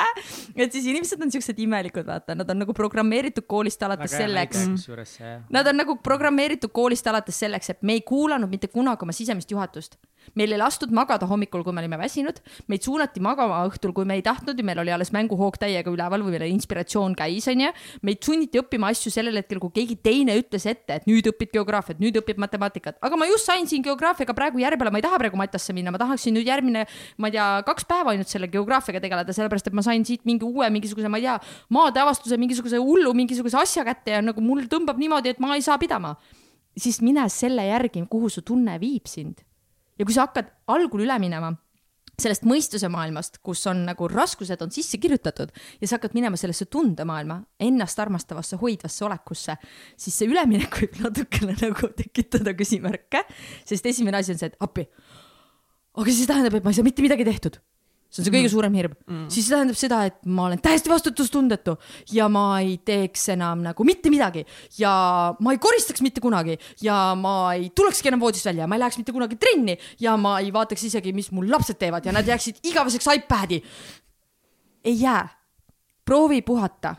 proovid ja puhkasid ja siis nüüd lase lahti ja siis lase veel lahti ja siis lase veel lahti, järgmine hetk sa ei suuda sa ei jõua seal voodis enam olla, sa tahad sealt välja tulla. Ja sa ei suuda selles olla, et sul on suba sassis ja sa koristad, sa koristad hea meelega, seepärast et sul on palju jõudu, sul on energia jookseb. Ja sa tõstad oma kergusega need lapsed sealt iPadist välja, kes sul võib-olla on mingisugune õhtupoolikul tulid koju, sa oled täiesti väsinud, kaks varianti. sa kas oled korralik tubli emme, et sa surud ennast, nii pange iPadid ära, ei, me ei vaata praegu multikaid, nüüd võtame ennast kokku, nüüd lähme teeme seda, lähme teeme, ise oled kõrval niimoodi, et silmad vajuvad kinni ja haigutad ja nagu sul on paha olla sa õpetad ise oma lastele sellel hetkel, et mine oma keha vastu, mine oma tunde vastu.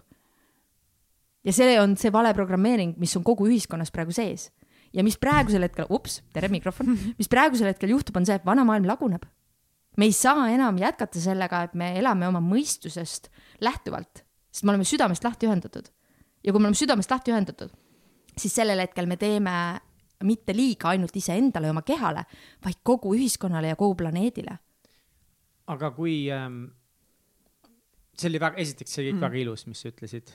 nagu ja heas mõttes, et see, nagu see on ilus mm. nagu mõte, ilus viis, kuidas võib-olla isegi elada.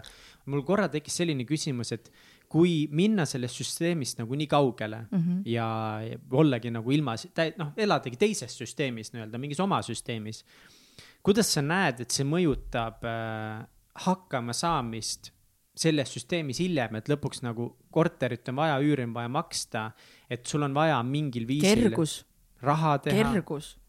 mis see tähendab, kergus? kuidas sa maksad kergusega vaata arveid? klassi oh,, üks kergusega, täiega maksad kergusega uh,. kui sa häälestud küllusele mm. -hmm. ja kui sa häälestud kergusele enda sees, siis sa hakkad tegema ainult seda, kuhu poole sind tõmbab.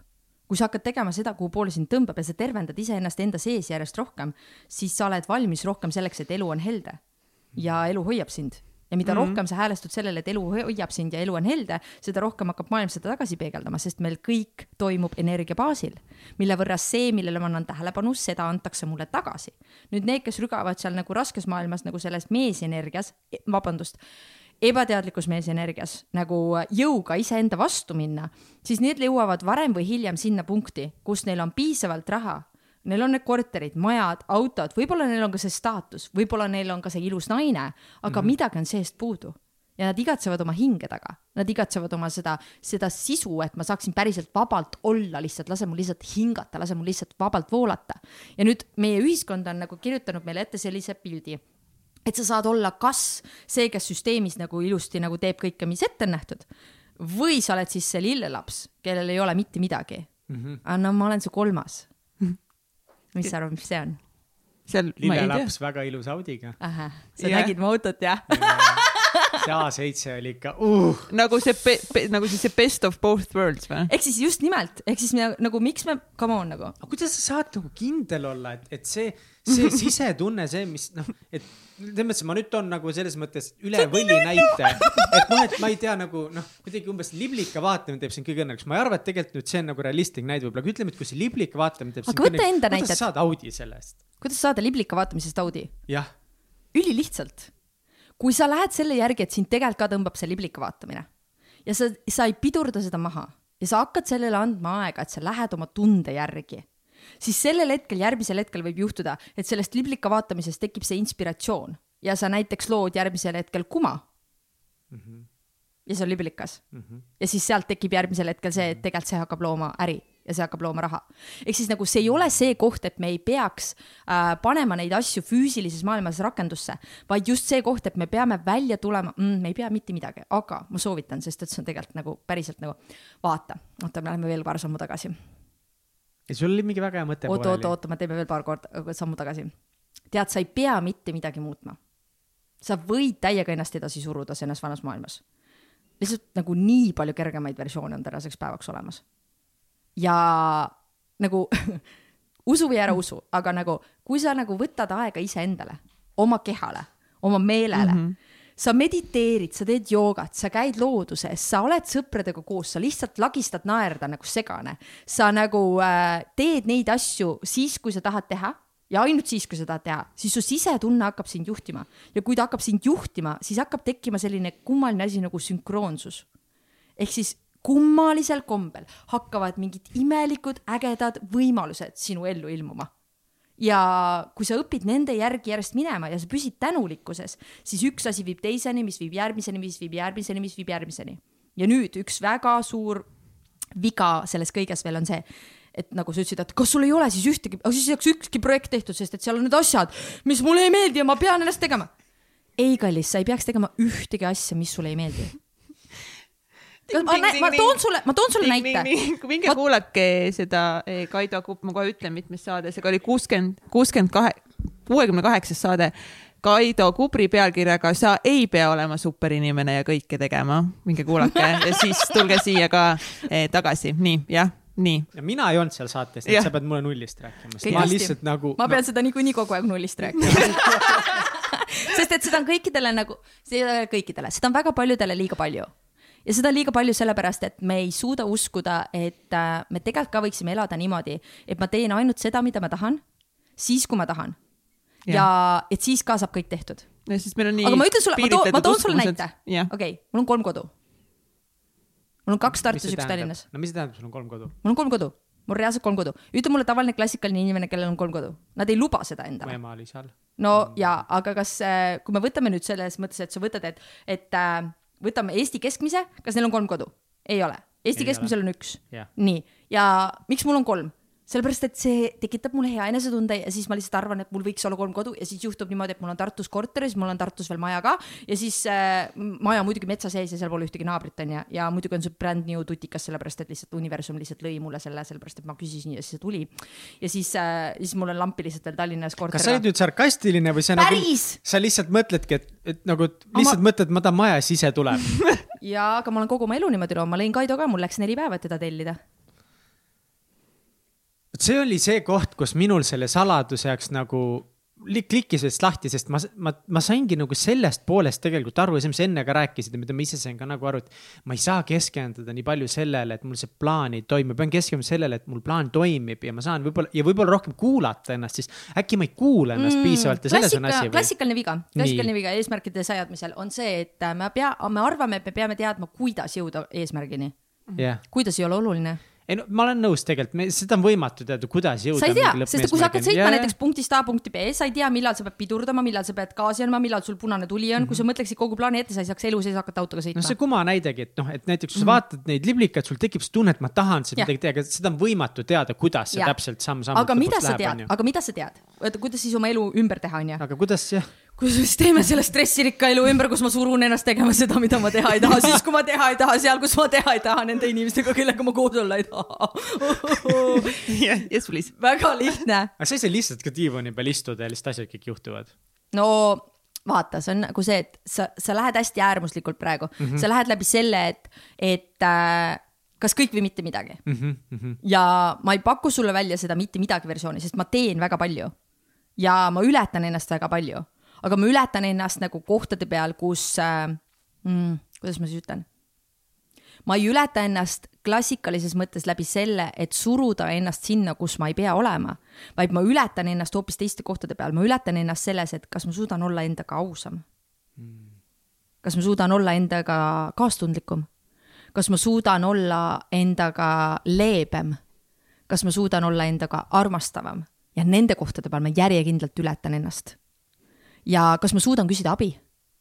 oh vau, see oli üks hullult suur koht, sa küsisid, mis on pekkis olnud. mul oli sihuke koht, kus ma olin, mul olid poisid väiksed sellel hetkel, Miiat veel ei olnudki ja ma olin haige ja mul oli palavik ja kõrge palavik ja poistel oli sihuke kergem, aga mina olin täiesti siruli. ja ma küsisin Kaido vanematelt abi esmaspäeval, aga nad ütlesid, et neil on praegu kiire ja nad ei jõua ja kolmapäevaks ma olin olukorras, kus mul ei olnud kodus mitte mingit sööki enam ja ma olin köögipõrandal sõna otseses mõttes siruli, nii et ma enam ei tõusnud. ja ma helistasin ja ma sain aru, et kui katki on meie ühiskond, ma ei helistanud teile, oota, meie, meie ühiskond on nii katki, et ma ei saanud isegi nagu, ma ei saanud helistada isegi naabritele, sest ma ei teadnud oma naabrite telefoninumbreid. ma ei teadnud oma naabrite nimesidki, me oleme nii nagu eraldanud oma kastidesse ennast ja ma võtsin oma telefoni, ma helistasin ühele naisterahvale, kes oli käinud minu koolitustel ja olnud minu gruppides, keda ma nagu enam-vähem teadsin ja mul oli elupiinlik öelda talle, et mul on sihuke olukord. Kaido on äh, Eestist ära, ma olen siruli, mul on äh, lapsed haiged, mina olen haige, köögis ei ole mitte ühtegi puhast nõud, toiduvarud on nullis ja, ja ma ei ole võimeline liikuma. et kas saaksid mulle appi tulla, palun? Ja see oli meeletu eneseületus, sihuke egopõletus. oota, kellele see, ühele naisterahvale, kes lihtsalt oli minu koolitustel käinud tollel hetkel okei okay., ja see naine tuli ja ta koristas mu köögi ära ja ta pesi mu lapsed vannis puhtaks ja ta viis minu voodisse, pani mu magama, tegi mulle teed, tegi meile õhtusöögi, ta käis poes enne seda ja nagu meist tekkis, noh, lõpuks meil tekkis suhe nagu selles mõttes sõbrannadeks saime, onju. et äh, saime lähedasemaks omavahel. aga tollel hetkel ma sain aru, et äh,, et need asjad, mis on väärt ületamist meie elus, on need, mis loovad meile rohkem hoitust, armastust, leebust äh,, hellust, hoidmist, sest väga suur teema, mida mina nagu toon inimesteni, on enesearmastus ja kui sa oled enesearmastuse rajal, siis enesearmastus tähendab seda, et ma luban endale kõike head, kaasa arvatud edu, kaasa arvatud edukat ettevõtet, kaasa arvatud raha, kaasa arvatud head tervist, nagu ei ole kaks äärmust, et sa kas rabad ennast ribadeks ja sul ei ole hingega mitte mingit kontakti või sa ainult mediteerid ja leviteerid ja siis sa oled nagu näpud põhjas nagu, sest et sul ei ole endal kodu ja mida iganes. et paneme tänaseks päevaks palun need stereotüübid kõrvale ja jõuame sinna, kus need äh, sisemine mees ja sisemine naisenergia jõuavad tasakaalu. ja ma, ma võin öelda, vaadates inimesi, et ah, naised võtavad seda nii palju kergemini omaks et äh, ma vaatan siin laua taga praegu samamoodi, et ma näen, et Katrin on nagu kõvasti edasi arenenud sellest kohast, kus ta Kaidoga rääkis, ta üldse Kaidoga praegu. jep, sest Kaidoga me vestlesime juba eh, kümme kuud tagasi nii et sa oled jõudnud juba seedida seda? absoluutselt, ma juba nagu mõistan. ja väga paljud naised võtavad seda rohkem omaks ka sellepärast, et, et meil on tugevam ühendus naisenergiaga ja naisenergia on see, kellel on intuitsiooniga tugevam kooskõla ja sellel hetkel see intuitsioon hakkab meid juhtima, meie kõrgem hing nii-öelda meie, me, me oleme tulnud siia mingi põhjusega, me ei ole lihtsalt sattunud siia. ja selles mõttes nagu, kui ma näen nagu seda, kuna mina töötan väga palju energiatega ja ma töötan ka väga palju mm,, kuidas ma siis ütlen minu jaoks sellised nähtused nagu, nagu energeetilised olendid või, või nagu räägitakse siin, kas ufod on olemas või mitte, need on kõik on minu igapäevaelu. Ja nagu, kuna ma nagu ka selgeltnägijana tegelen väga palju selliste asjadega, et ma käin eelmistes eludes ja ma käin lapsepõlvedes inimestel ja ma teen ümber alateadvuse programme nagu ma kuulan nunnu. Mihkel on lihtsalt nagu, jep, now you lost me. nii on, nii on. ei ole üldse, ma olen tõesti mingi vau wow.. siis sellel hetkel see on lihtsalt, ma ei, ma ei pea nagu ennast väga nagu äh,, kuidas ma siis ütlen, ma ei pea ennast veenma, et kas on päris. kuna see on nagu minu elu osa, siis lihtsalt minu jaoks on, mul on nii tugev kontakt sellega, et ma tean lihtsalt mi, mida see tegelikult tähendab, kui me oleme oma hingega kooskõlas. ja ma tean sellel hetkel, et me oleme tulnud siia teatud põhjusega ja meie hing on tulnud siia nagu selleks, et saada teatud kogemused. ja deprekasse sattume me sellel hetkel, kui me ei kõnni oma hingeteed. ja stressis oleme me siis, kui me ei kuula seda sisemist juhatust, sest meie sisemine juhatus alati teab tegelikult, alati teab, mida ma tegema pean ja see on kõige suurem illusioon, et ma saan elu hakata nautima alles siis, kui ma olen ära saavutanud selle ja selle ja selle ja selle ja see on see, ma olen nii tänulik sellele, et ma saavutasin need esimese taseme nagu rikkuse nagu nii kiiresti oma elus, et mul oli nagu, mul oli nagu mees, põmm, laps, põmm, maja, põmm, auto, põmm, teine auto, põmm, nagu mis nüüd tahaks välismaale, jah, koolitused äh,, mingi elu, mis tahaks teha nagu, hakkan koolitajaks, lähen USA-sse, õpin, särki-värki. ja siis järgmine hetk ma vaatan peale, mul on niimoodi, et no ja nüüd, mis nüüd siis, ma ei ole pooltki nagu õnnelikum. et nagu see oli, ma ei tea, kes selle la lause autor on, tõenäoliselt on neid mitmeid, aga ma loodan, et igaüks meist saaks olla nii rikas, et ta saaks aru, et raha ei tee õnnelikuks. ja see on see koht, et nagu, et äh, ainult raha ei tee õnnelikuks, aga rahaga koos on väga palju lihtsam õnnelikum olla nagu päriselt, seega mina täiega kaifin raha ja täiega armastan raha. Ja, aga ma ei usu sellesse, et seda peab tegema läbi raskuse ja ma ei usu, et ükski projekt peaks saama tehtud nagu vastu sinu enda sisetunnet. ja kui ma rääkisin enne sellest kohast, et kui meil oleks projekt, mis on kolme peale, sa ei kujuta ette, kui palju kordi me oleme teinud nagu oma sõbrannadega nagu koos praegu projekte, mis näevad välja niimoodi. Davai, sa tee see, sa tee see, ma teen selle. kaks nädalat hiljem üks sõbrannadest on täiesti kokku jooksnud, tal nagu mingi, ma ei saa, mul on nii paha. siis me oleme niimoodi, väga hea, ma võtan su käest selle ära, anna siia ma teen ise seda, sest mul on praegu energiat. kolm nädalat hiljem teine sõbranna kokku jooksnud. mul on jumala paha ja see, kes oli enne kokku jooksnud, ütleb, ma ei tea, mul on nüüd jumala palju energiat, andke mulle nüüd tagasi ja siis me anname talle mingid osad tagasi. ehk siis meil on hästi, meie elame oma nagu, nagu seltskonnas nagu, keda meid on praeguseks juba päris palju, sest et ma olen ehitanud oma kogukonda koos abilistega ülesse siin nüüdseks üle kolme aasta ja meid on nagu praegu üle kolmesaja juba onju.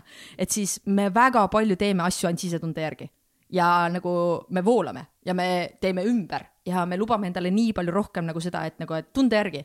ja, ja alguses arvad, et, et see keerab kõik pekki ja kaosesse, aga reaalsus on see, et kui sa selle ülemineku ära teed, siis sa avastad, et oot, aga okei okay,, oota, aga minuga on siis kõik hästi või?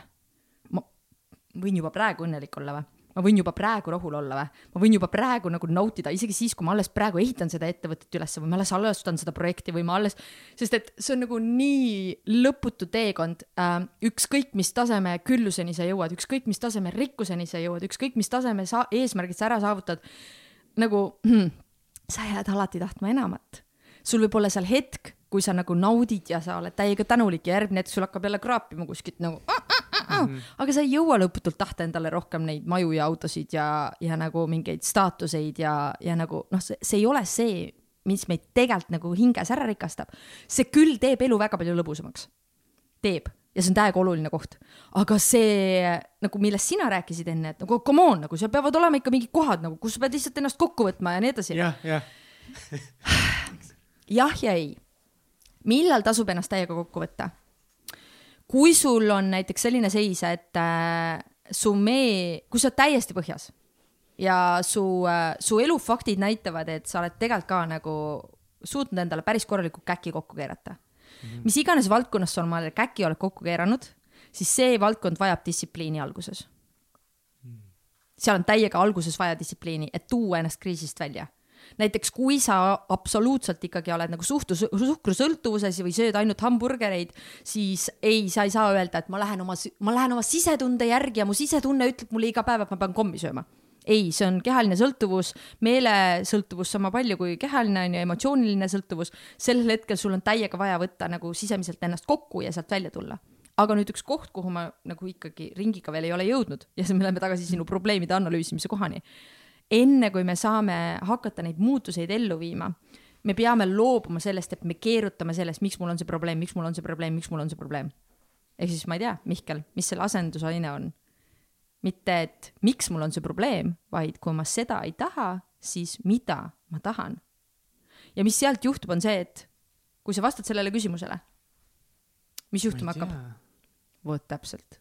ja siis sa tahad, et see ilmuks aga kui sina ei tea, kuidas universum selle kohale saab tuua, ehk siis, kui sul endal on see koht, et nagu ma, ma olen nii harjunud olema selles stressis, ma olen nii harjunud olema selles pinges, ma olen nii harjunud sellega, et mul on iga kuu konto nullis, ma olen nii harjunud selles, et ma nagu olengi selles suhkrusõltuvuses, ma nii olen harjunud sellega, et mul ongi sihuke keskpärane suhe, ma olen nii harjunud sellega, et mul ongi siuksed sõbrad, kes nojah, nagu kelle peale väga ei saa loota.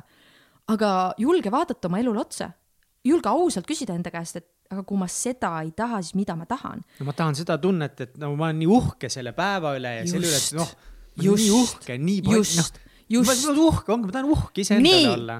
just, ja see on esimene koht, kus hakkab ümberprogrammeerimine pihta. Sa ei pea täpselt teadma, kust see trauma tuli, sa ei pea täpselt teadma, keda sa maha kopeerisid, sa ei pea täpselt teadma kogu seda tausta, sa võid aimata, kust sul mingi programmeering pärit on, neid on liiga palju, me ei jõua neid üles kaevata. aga mida sa vajad, esimese asjana, et asju ümber teha, sul on vaja visiooni sellest, mida sa kogeda tahad, selle asemel, et analüüsida probleemi, milles sa olla ei taha. ütle palun uuesti. sul on vaja visiooni sellest, mida sa kogeda tahad yeah., selle asemel, et analüüsida seda probleemi, mida sa enam kogeda ei mm -hmm. taha mm. -hmm no see on täpselt see, mida ma praegu teen, analüüsin seda probleemi, mida ma kogeda ei taha. just, ja seni, kuni me analüüsime seda probleemi, siis me oleme häälestunud sellele probleemile ja ma tegelikult isegi ei ava energeetiliselt selleks võimalust, et midagi muud saaks ilmuda. sest ma põhimõtteliselt ise teadliku teadusega juhin oma alateadvust lihtsalt kogu aeg sedasama rada kõndima. ja nüüd selleks, et alateadus hakkaks muutuma, on mul vaja talle ette anda uus sihtmärk. kui sa ikkagi üritad lennata nagu Ameerikasse, siis ei ole mõtet rääkida Austraaliast mm. -hmm nagu mida sa räägid sellest Austraaliast siis kogu aeg, kui sa sinna Ameerikasse üritad lennata? Austraalia on see, ma ei taha sinna minna, Ameerika on see, ma tahan sinna minna või ma Ameerikasse ei taha minna, Austraaliasse tahan minna. no sa ei räägi siis sellest ju, kuhu sa ei taha minna, sa räägid sellest, kuhu sa tahad minna. ja lennuk võtab kursi sinnapoole, kuhu ta tahab minna, mitte sinna, kuhu ta ei taha minna. ja nüüd, mis lennukitega on huvitav, on see et, et üheksakümmend protsenti ajast pidid need tüübid olema seal tegelikult nagu kursist maas. ma ei teadnudki, aga nagu kogu aeg korrigeerivad ennast uuesti ja meiega on samamoodi, kui me hakkame selle uue visiooni poole liikuma, siis esimene samm on tuvastada, klassikaline, kui sa selle teed ära ainult, sa võtad oma elu, siis sa vaatad oma elule peale, ütled okei okay,, väga, kuidas mul praegu läheb mida Anthony Robbins teeb, samamoodi ju selles mõttes, kus mm, nagu igasugused erinevad tehnikad suruvad meid sellesse kohta, et davai, vaata oma elule peale, mis sul töötab, mis ei tööta. aga saa nüüd aru, miks sul on vaja seda teada. sul on vaja teada selleks, et fookust muuta. ja sul on vaja vaadata oma elus iga valdkonna peale ja küsida, et okei okay,, mis siin töötab, mida ma tahan alles jätta, mis mulle meeldib. ja mis on see, mida ma muuta tahan. nii, aga kui ma nüüd tean, mida ma muuta tahan, siis on, siis ma hakkan seda muutma. läbi selle, et sa kõigepealt küsid enda käest, kui ma seda ei taha, siis mida ma tahan mm. -hmm. ja see on üks kõige raskemaid ülesandeid, sellepärast et klassikalises mõttes nad esimene vastus on tihtipeale seesama, mida Mihkel praegu koges.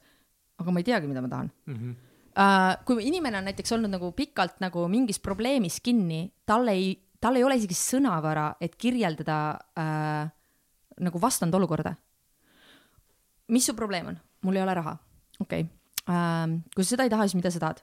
ma ei taha, et mul oleks võlad ma ei taha, et äh, mul oleks iga kuu papp otsas, ma ei taha, et ma pean stressima, kui ma poodi lähen, ma ei taha, et ma peaks ütlema oma lastele, et ma ei saa seda osta äh,. mul on nagu kõrini sellest, et äh, mul niimoodi, ahah, oota, korra, oota nüüd, stopp. No miks te naerma hakkasite sest see on ega eitav. ma ju rääkisin sellest, mida yeah. ma tahan ju, ilmselgelt. saad aru, see on nii lihtne see on nii palju lihtsam, kui meile kunagi õpetatud on. siis laias laastus iga mõte sinu peas loob pildi. aga ei-d universum ei kuule mm. -hmm. ma ei taha olla stressis, tellimus, stress mm. -hmm. ma ei taha olla haige, tellimus, haige. ma ei taha kakelda enam oma mehega, tellimus, kakelda mehega.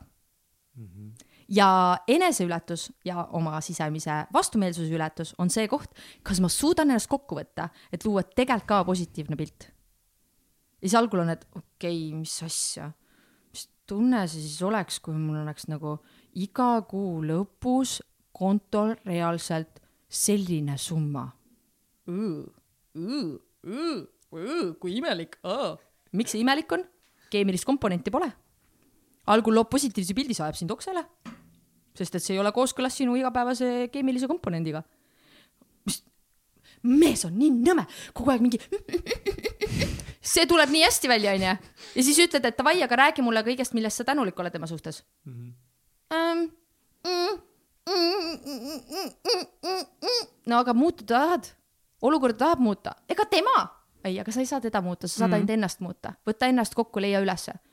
No ja siis pika muka otsast tuleb, no ta, ta on nagu tegelikult nagu, nagu väga hooliv mm,. nii nõme, ma pean ütlema ta kohta niimoodi.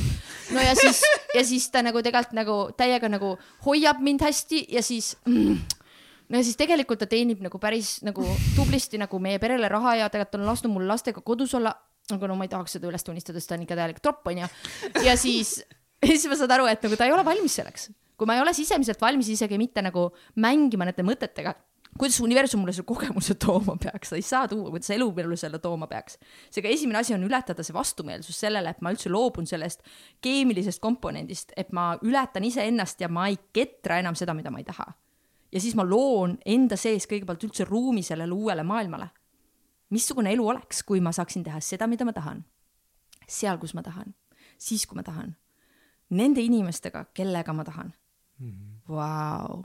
ma olen vahepeal tegelikult teinud seda mingit, mingites vähemalt mingites eluaspektides ja, ja, ja olengi nagu just kes, okei okay,, mida ma tahan ja ma ainult positiivses sõnas, ainult positiivset üles kirjutanud kas mingi hetk ma nagu kukun maha selle pealt või mingi hetk unustame ära või, või kas sina oled nagu, ma ei tea, kas iseenda peal kogenud või et, et sa nagu justkui saad selle kätte mm. -hmm aga siis mingi hetk sa leiad ennast samast olukorrast. absoluutselt ja see on üks kõige suuremaid nagu väljakutseid, mis meil tegelikult sellega on, sellepärast et ähm, sa ei saa teha seda keskendumist sellele, mida sa tahad, sa ei saa teha mehaaniliselt kui sa teed tänulikkust näiteks ja sa teed tänulikkust mehaaniliselt, siis peale kolmekümnendat päeva sa ei taha tänulikkusest mitte midagi kuulda, see ajab sind oksele. nagu ma olen nii õnnelik ja tänulik, et mul on kodu, et mul on auto, et mul on see nagu. see ei tööta. ainus asi, kuidas see töötab, on läbi tunde. ja selle võrra me peame lubama endal ka selles loomisprotsessis minna läbi oma tunde täpselt samamoodi nagu sa ei taha tööd teha niimoodi, et ma surun ennast tegema seda ülesannet siis, kui ma ei jõua, mul on tegelikult uni ja mu silmad vajuvad kinni või mul on nälg ja ma tahaks lihtsalt sööma minna või ma tahaks lihtsalt pissile minna. ja siis ma lihtsalt surun ennast, ei veel peab, veel peab. ei äh,, sa ei saa ka nagu loomisprotsessi teha jõuga. Ehk siis miks me jätame tihtipeale loomisprotsessi kõrvale? mitu erinevat asja, üks probleemidest um,.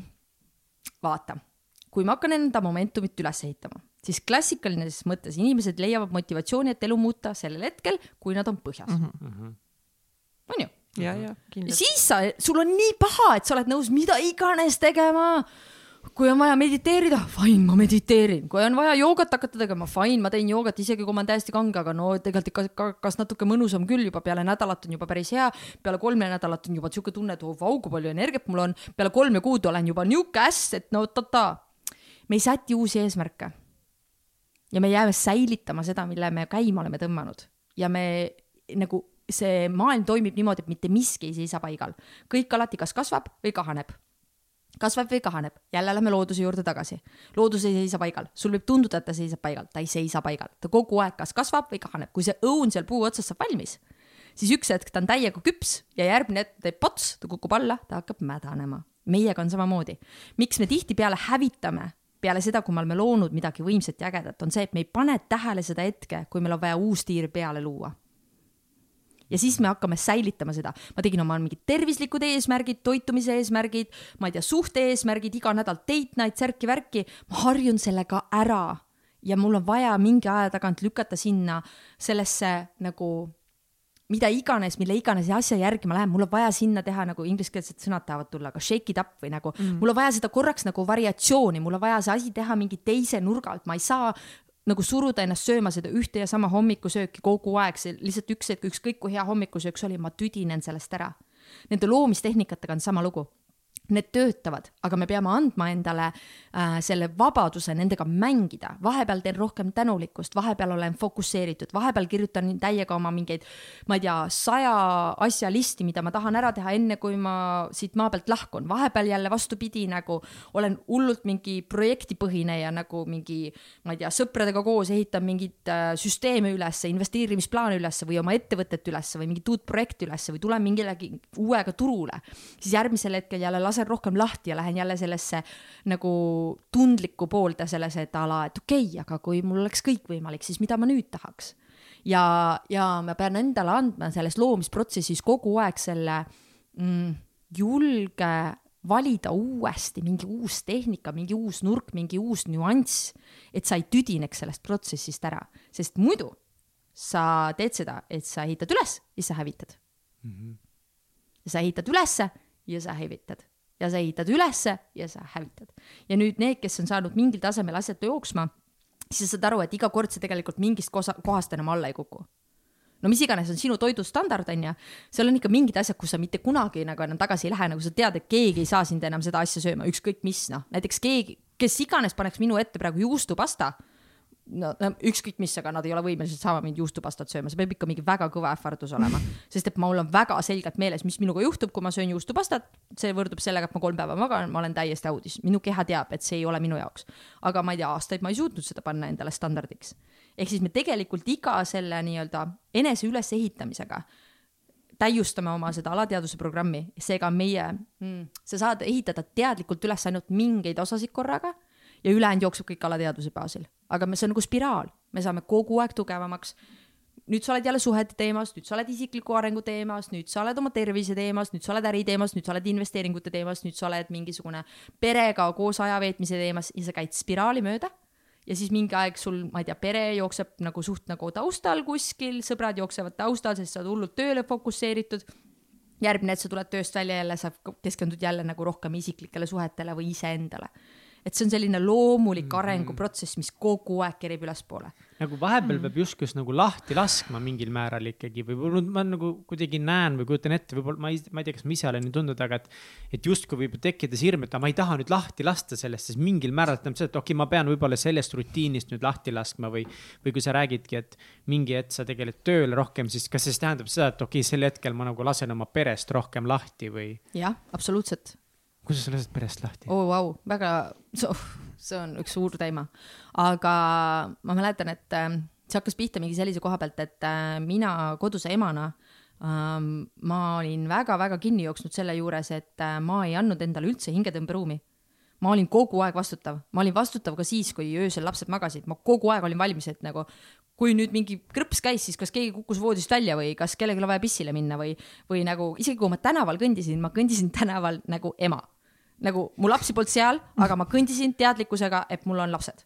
ja siis äh, meil oli Kaidoga vestlus. kuula nüüd, rääkides Kaidost. täiega armastan seda meest, see on lihtsalt nii pöörane mees. saad aru, mis ta ütles mulle või?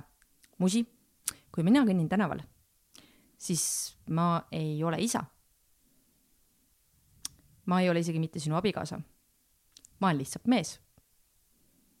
mul kukkus lihtsalt karp niimoodi lahti, et ma lihtsalt nagu, ma ei teadnud, mida öelda milline vastutustundetus kuidas see võimalik on? nagu sa lihtsalt kõnnid keset tänavat ja sa nagu, sa isegi nagu, sa isegi nagu oh!, siis mõtlesin, mis asja ta räägib mulle. siis ta ütles, et nagu, et no me peame andma endale vahepeal hingetõmberuumi. et nagu lase enda, lase endal lihtsalt olla ka teistes seisundites, lase endal nagu teisi vajadusi katta sellel hetkel. mõtlesin, mis asja, kuidas see veel käib, et ma ema ei oleks. no ja siis läksin Läksin Tartus korteri uksest välja, hakkasin kõndima, siis meil on suht kesklinna ääres, hakkasin mööda Rüütli tänavat siis vanalinnas kõndima nagu äh, Raekoja platsi poole. siis mõtlesin, ma nüüd kõnnin tänaval nii, nagu mul ei oleks lapsi. väga kahtlane, kolm meest vaatas mu poole ja üks reaalselt naeratas. mul oli täiesti nagu šokk kuubis, mul oli nagu mingi, mis just juhtus ja praeguseks hetkeks on niimoodi, et kui ma nüüd sellel aastal näiteks äh, veetsin neli kuud palil, kolm last olid Eestis, siis teised küsivad, et kuidas see võimalik on. noh, ma võin ju öelda mitteametliku versiooni, ma jäin palile koroona ajaks kinni eks ma lendasin sisse sinna päev enne seda, kui piirid kinni läksid. ja, ja kogu retriit, mida me pidime tegema, mitte keegi järgi lennata ei saanud, sest piirid läksid kinni ja, ja ma jäin sinna sõna otseses mõttes lukku ja lennujaam läks kinni ja nii edasi ja siis nii oli, onju. aga äh, noh, reaalsus on see, et ma ei oleks seda saanud ju endale lubada, kui, äh, kui mu Eestis oleks mul selle peale kriis ja katastroof, et nagu, mis su lastest saab ja nii edasi. me ei ole õpetanud oma lapsi kunagi olema sõltuvuses iseendast nagu lapsevanematena. me ei, me ei, nagu, seal on mitmed argumendid, nüüd kui ma räägin nendest asjadest, aga lähme selle enda poole peale tagasi, et noh, lastega on täiega fine sellega, lapsed tegelikult kaifivad igasuguste täiskasvanute tähelepanu, kui see on päris tähelepanu. nagu kui sa oled kunagi, ma ei tea kui kellelgi on lapsed ja siis tuleb nagu keegi, kellel ei ole lapsi külla, mis need lapsed teevad, need elavad sellel uuel inimesel täiega seljas, et see on ainus, kes viitsib nendega päriselt tegeleda, onju. seega lastega on fine, kui sa annad neile täiskasvanud ruumi, kes nagu hoolitsevad nende eest täiega. ja kui sa ei õpeta neid igatsema mm, -hmm. sest sa, inimesed ise õpetavad oma lapsi nagu traumat mm,, draamat tegema sellel hetkel, kui nad eemale lähevad. oi, nii kahju, ma pean sinust eemale minema laps vaatab, ahah, see edasi tuleb käituda, aga emme läheb ära emme läheb ära. aga kui sa teed nagu tšau, varsti näeme, siis laps teeb tšau, varsti näeme ja siis nagu ta lihtsalt kopeerib sinu suhtumise maha. ehk siis nagu lapsed on kopeeritavad, kui sa tead seda, siis sa saad igasuguseid huvitavaid asju neile sisse programmeerida, kaasa arvatud see, et nad ei õpi igatsema ja siis ähm,, mis puutub iseendasse, siis kui ma praegusel hetkel palin olin näiteks onju, siis oli nii naljakas, ma istun kohvikus, siis ma satun kellegiga uuega rääkima onju, me oleme mingisugune tunnikene lobisenud, oo, mis sa teed ja mis sa teed ja ma ütlen, et aa, ma olen siukene nagu sihuke nagu enesearengu koolitaja ja mul on sihuke oma kogukond, uue maailma kogukond, mis ma üles olen ehitanud ja tegelen eelkõige naistega ja siis nagu noh, sihuke natukene tervendaja, natuke selgeltnägija, šalala, teen seda, teist ja kolmandat ja siis äh,, siis tal on, oo, väga äge, lahe, tallala ja siis järgmisel hetkel tuleb välja, et äh, jaa, ma olen abielus ja mul on kolm last. ja siis tal on nagu mingi, kui see oleks nagu filmilint, siis on nagu, siis nagu, oota, kui vana sa oled? ja siis mul on niimoodi nagu mingi, ma ei tea, paku ma ei tea, ma oleks öelnud, et sa oled heal juhul mingisugune kakskümmend kaheksa. mul on niimoodi kolmkümmend seitse. ja siis on nagu mingi, aga su energia väljas ei ole nagu üldse nagu mingi, ma ei tea, abielu või laste nagu energiat, et mis toimub aga ei olegi energia väljas abielu ja laste energiat sellel hetkel, kui ma valin olla sellel hetkel indiviid, mina ise. ja kui ma lähen koju tagasi ja ma olen lasknud endal vahepeal olla mina ise sa ei kujuta ette, kui tore mul on sellel hetkel jälle neid lapsi näha. Versus, et ma olen kogu aeg ema ja ma olen kogu aeg lapsevanem ja siis ma näen neid lapsi ja mul on nagu nojah, noh, võtame ennast kokku, veel üks õhtu, paneme nad nüüd magama, teeme seda, teeme toda, nüüd hambaid pesema, nüüd tuttu, nüüd oh,, milleks? aga kuidas see suhetes töötab? väga hästi aga kuidas nagu, ma ei usu seda, kuidas see päriselt suhetes töötab? sa ei usu mida? et noh, et näiteks sa, sa lähed baalile ja siis, et ma ei ole seal ema, aga ma ei ole seal ka abikaasa um,.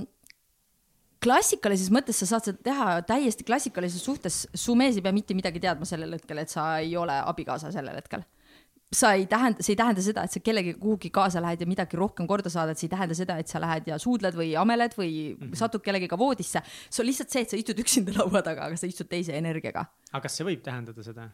Uh, see sõltub sellistel puhul nendest kokkulepetest, mis suhtes tehakse. ma saan aru, kuhu sa siit huvitav yes., huvitav, Mihkel. ei tea, mul on siuke tunne nagu mu tee on otsa saanud, ma peaks teed keetma, siis mul on siuke tunne, ma võiks vetsus käia. kas ma puudutan midagi, millest sa ei taha rääkida või mida sa, ma ei tea, pelgad või? no ütleme siis niimoodi, et ma ei valeta sellega, et ma tahan vetsu minna siis saab. aga me täiega võime sellest rääkida. suurepärane, WC paus. tin-tin-tin-tin-tin. Ja siis ma ei tea, mis te siin vahepeal kokku räägite, kuni mind siin ei ole. ja me võtame selle listi aga ma siis läksin. tšau. tšau. Bye. Marlen jooksis, jooksis nüüd siin WC-sse niimoodi keset saadet.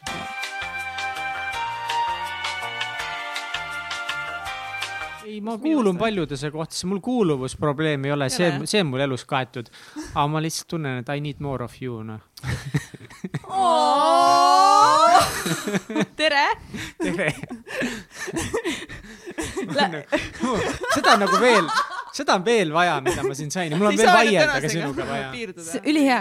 noh, aga aga näiteks mina, mina olen vaidleja, aga ma olen selles mõttes nagu ma suudan eh, erinevalt siin. Trumpi pooldajatest, ma suudan nagu äh, kuulata teisi ülihästi. ja ma suudan ka tunnistada ja ka ümber arvata asju.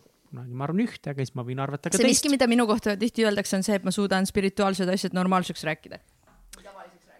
oled küll suhteliselt mõistlikuks rääkinud siin asju tõesti, see on täitsa noh. täitsa nagu okei onju. jah, mingi et ei ole mingi nagu full on. selgeltnägija kanaldaja, mingi jaa, ma käin siin mingi eelmises eludes, särk-värk, aga alateadvuses on sul see programm ja sul on see keemiatehas. oota, mis nüüd juhtus? oh, kus me nüüd oleme omadega? me oleme suhetes kas me oleme tagasi või? ja, me oleme tagasi. Okei okay.. kas sa tahad selle vaheküsimuse ära küsida või? küsi Mihkel. ja ma tahtsin küsida, et kas mees saab ka sinu gruppi? sa küsisid nii palju paremini enne. ma ei mäleta, kus ma küsisin tegelikult. aa, aa, ma küsin, ei, ma mõtlesin seda, ma küsisin, et, et äh, issand, oota miks. mehed, ei. ei äh,, miks mehi, miks sa mehi mis diskrimineerid? värk sellega aa, on? mis värk sellega on, et sa mehi diskrimineerid oma gruppidest? meelde jäi see. sellepärast, et ma olen teadlik ja kui ma olen teadlik, siis mul jääb kõik meelde. ohtlik. ohtlik. kui sa oled kohal, siis sa mäletad. Ma ei olnud kohal, näed siis jah. um,. ma arvan, et see ei ole olnud selline nagu teadlik valik mehi diskrimineerida uh,, kuivõrd uh, hakkas välja kujunema see niimoodi, et kui ma alustasin uh,, uh, ma hakkasin tegema enesearengu koolitusi kümme aastat tagasi ja siis sellel hetkel alguses ma tegin grupiõppeid äh, nädalast nädalasse mastermind'e ja siis ma tegin äh,, oi proovi seda parem, sa tahad seda, see on Eesti Öko ja see on ainus, mis töötab, huulekreemid. mul on täie kusjuures vaja. see on üliäge ja see kingiti ma mulle küsisin sellepärast küsimust, ma tahtsin ka gruppi saada. ja, ja siis sellel hetkel ühesõnaga ähm, ma algul tegin nagu nii meeste kui naistega tööd äh,. saalikoolitused olid ka loomulikult nii meestele kui naistele ja siis äh, peale seda, kui ma oma mm, kahe lapse kodus olemise pausilt tagasi tulin, pluss läbipõlemine, mis mul seal vahepeal toimus, siis äh, ma algatasin siukse grupi nagu Turbiin ja, ja Turbiin äh, sai alguse sellest, et ma lihtsalt ütlesin inimestele, et okei okay,, ma olen siin, ma aitan teid, öelge mulle, mis teil väljakutsed on, sest ma olin ära unustanud, kuidas tavalised inimesed elavad. Mihkel esindab siin tavalisi inimesi minu jaoks, kes nagu piinab ennast mingites kohtades, kus mina vaatan lihtsalt peale, et issand jumal, miks peaks keegi tahtma endaga niimoodi teha. aga okei okay.. no et edukaks ja rikkaks ja õnnelikuks ikka saada, no sellepärast. ja, ja siis ähm, ja see põhimõtteliselt äh, algas niimoodi, et meil tuli tasulisse gruppi laksust sisse sada inimest, kellest äkki mehi oli ainult viis. ja see tekitas sellise kompoti lihtsalt, et meil oligi väga palju naisi ja mõned mehed. ja siis läbi äh,, läbi ajaloo, mida ma märkasin, oli see, et ähm, nüüd me oleme natukene muutnud oma strateegiat ja meil on äh, olemas, noh, mehed saavad ka ligi, aga mida ma märkasin, on see, et tegelikult selleks, et meie maailm saaks terveneda, siis naised vajavad turvaruumi naistega ja mehed vajavad turvaruumi meestega. sest et väga palju on olukordasid, kus naised tegelikult ei julge rääkida sellest, mis päriselt on, kui nad teavad, et mehed kuulavad pealt.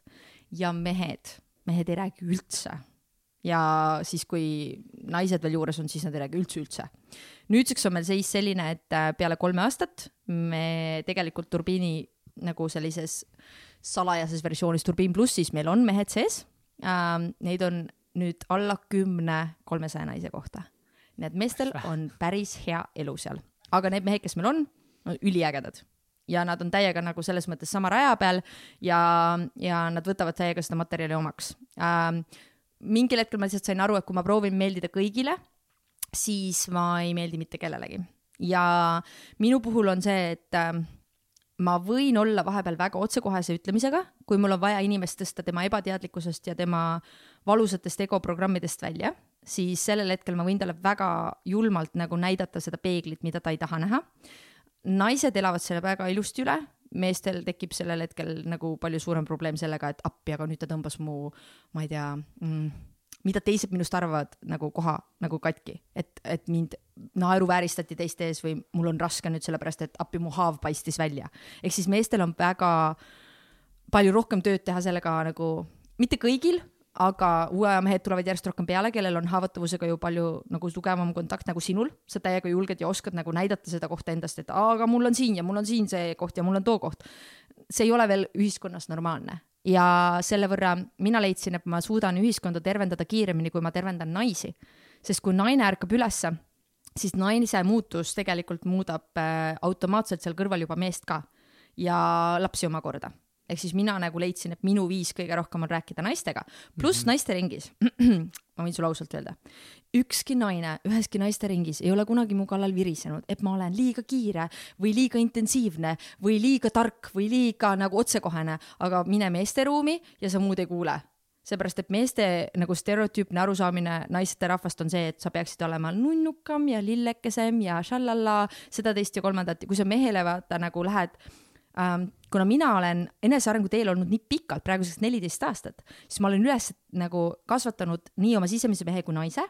minu sisemine mees on tihtipeale nii palju rohkem kohal kui meeste sisemine mees, mille võrra neil on nagu väike väljakutse, sest nad satuvad nagu vastakuti naisega, kes tõmbab neile jalgealusevalt ära ja siis neil on nagu, et öö, mis just juhtus.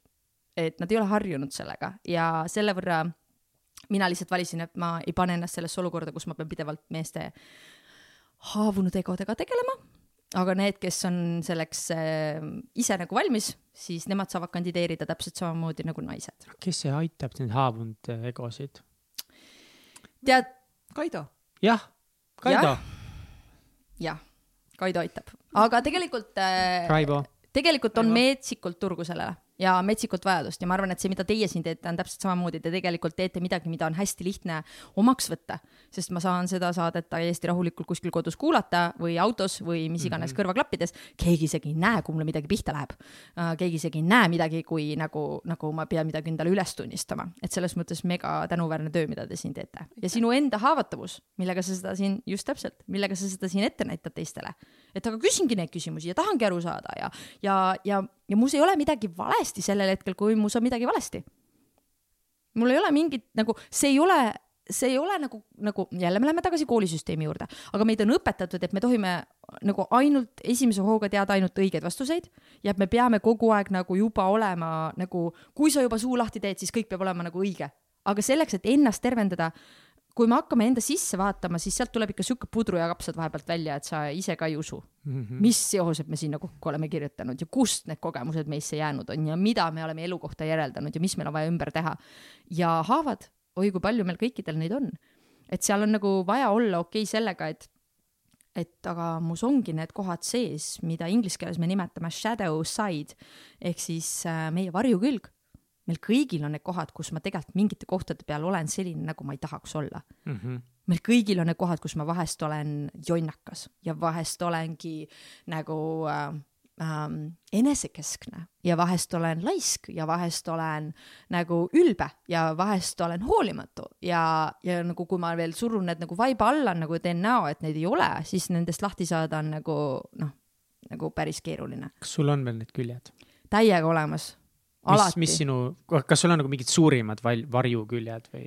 suurimad varjuküljed. domineerivad varjuküljed või ma ei tea, kuidas see õige ma olen teinud endale nii palju tiire peale, et, et minu, appi ma ei ole, ei ole võimalik, et ma räägin selle välja. nüüd me oleme selle koha peal, kus mul on piinlik. super. Here we go. appi, appi. kaua meil saade nüüd kestnud on selleks hetkeks, kui me siukse kohani jõudsime? no natukene. okei okay., minu kõige suurem äh, draama praegusel hetkel on ähm,, issver Jusser, ma ei suuda seda välja öelda. kas ma saan kuidagi valetada? ma äkki ikka valetaks. no proovi. ära valeta aga sa ei suuda, siis sa ennem ütlesid, et sa ei suuda. ära valeta mulle minu kõige suurem väljakutse praegu on see, et ma peaksin võtma vastu selle, kui teadlik ma tegelikult olen. ja kui palju ma tegelikult tean. et ma tegelikult varjan ennast maailma eest. ehk siis äh, see tase nagu ligipääsu inimolemuse mõistmisele, mis mulle praeguseks hetkeks kätte on antud, mis elu mulle kätte on toonud ja mille ma olen ise suutnud lahti häkkida.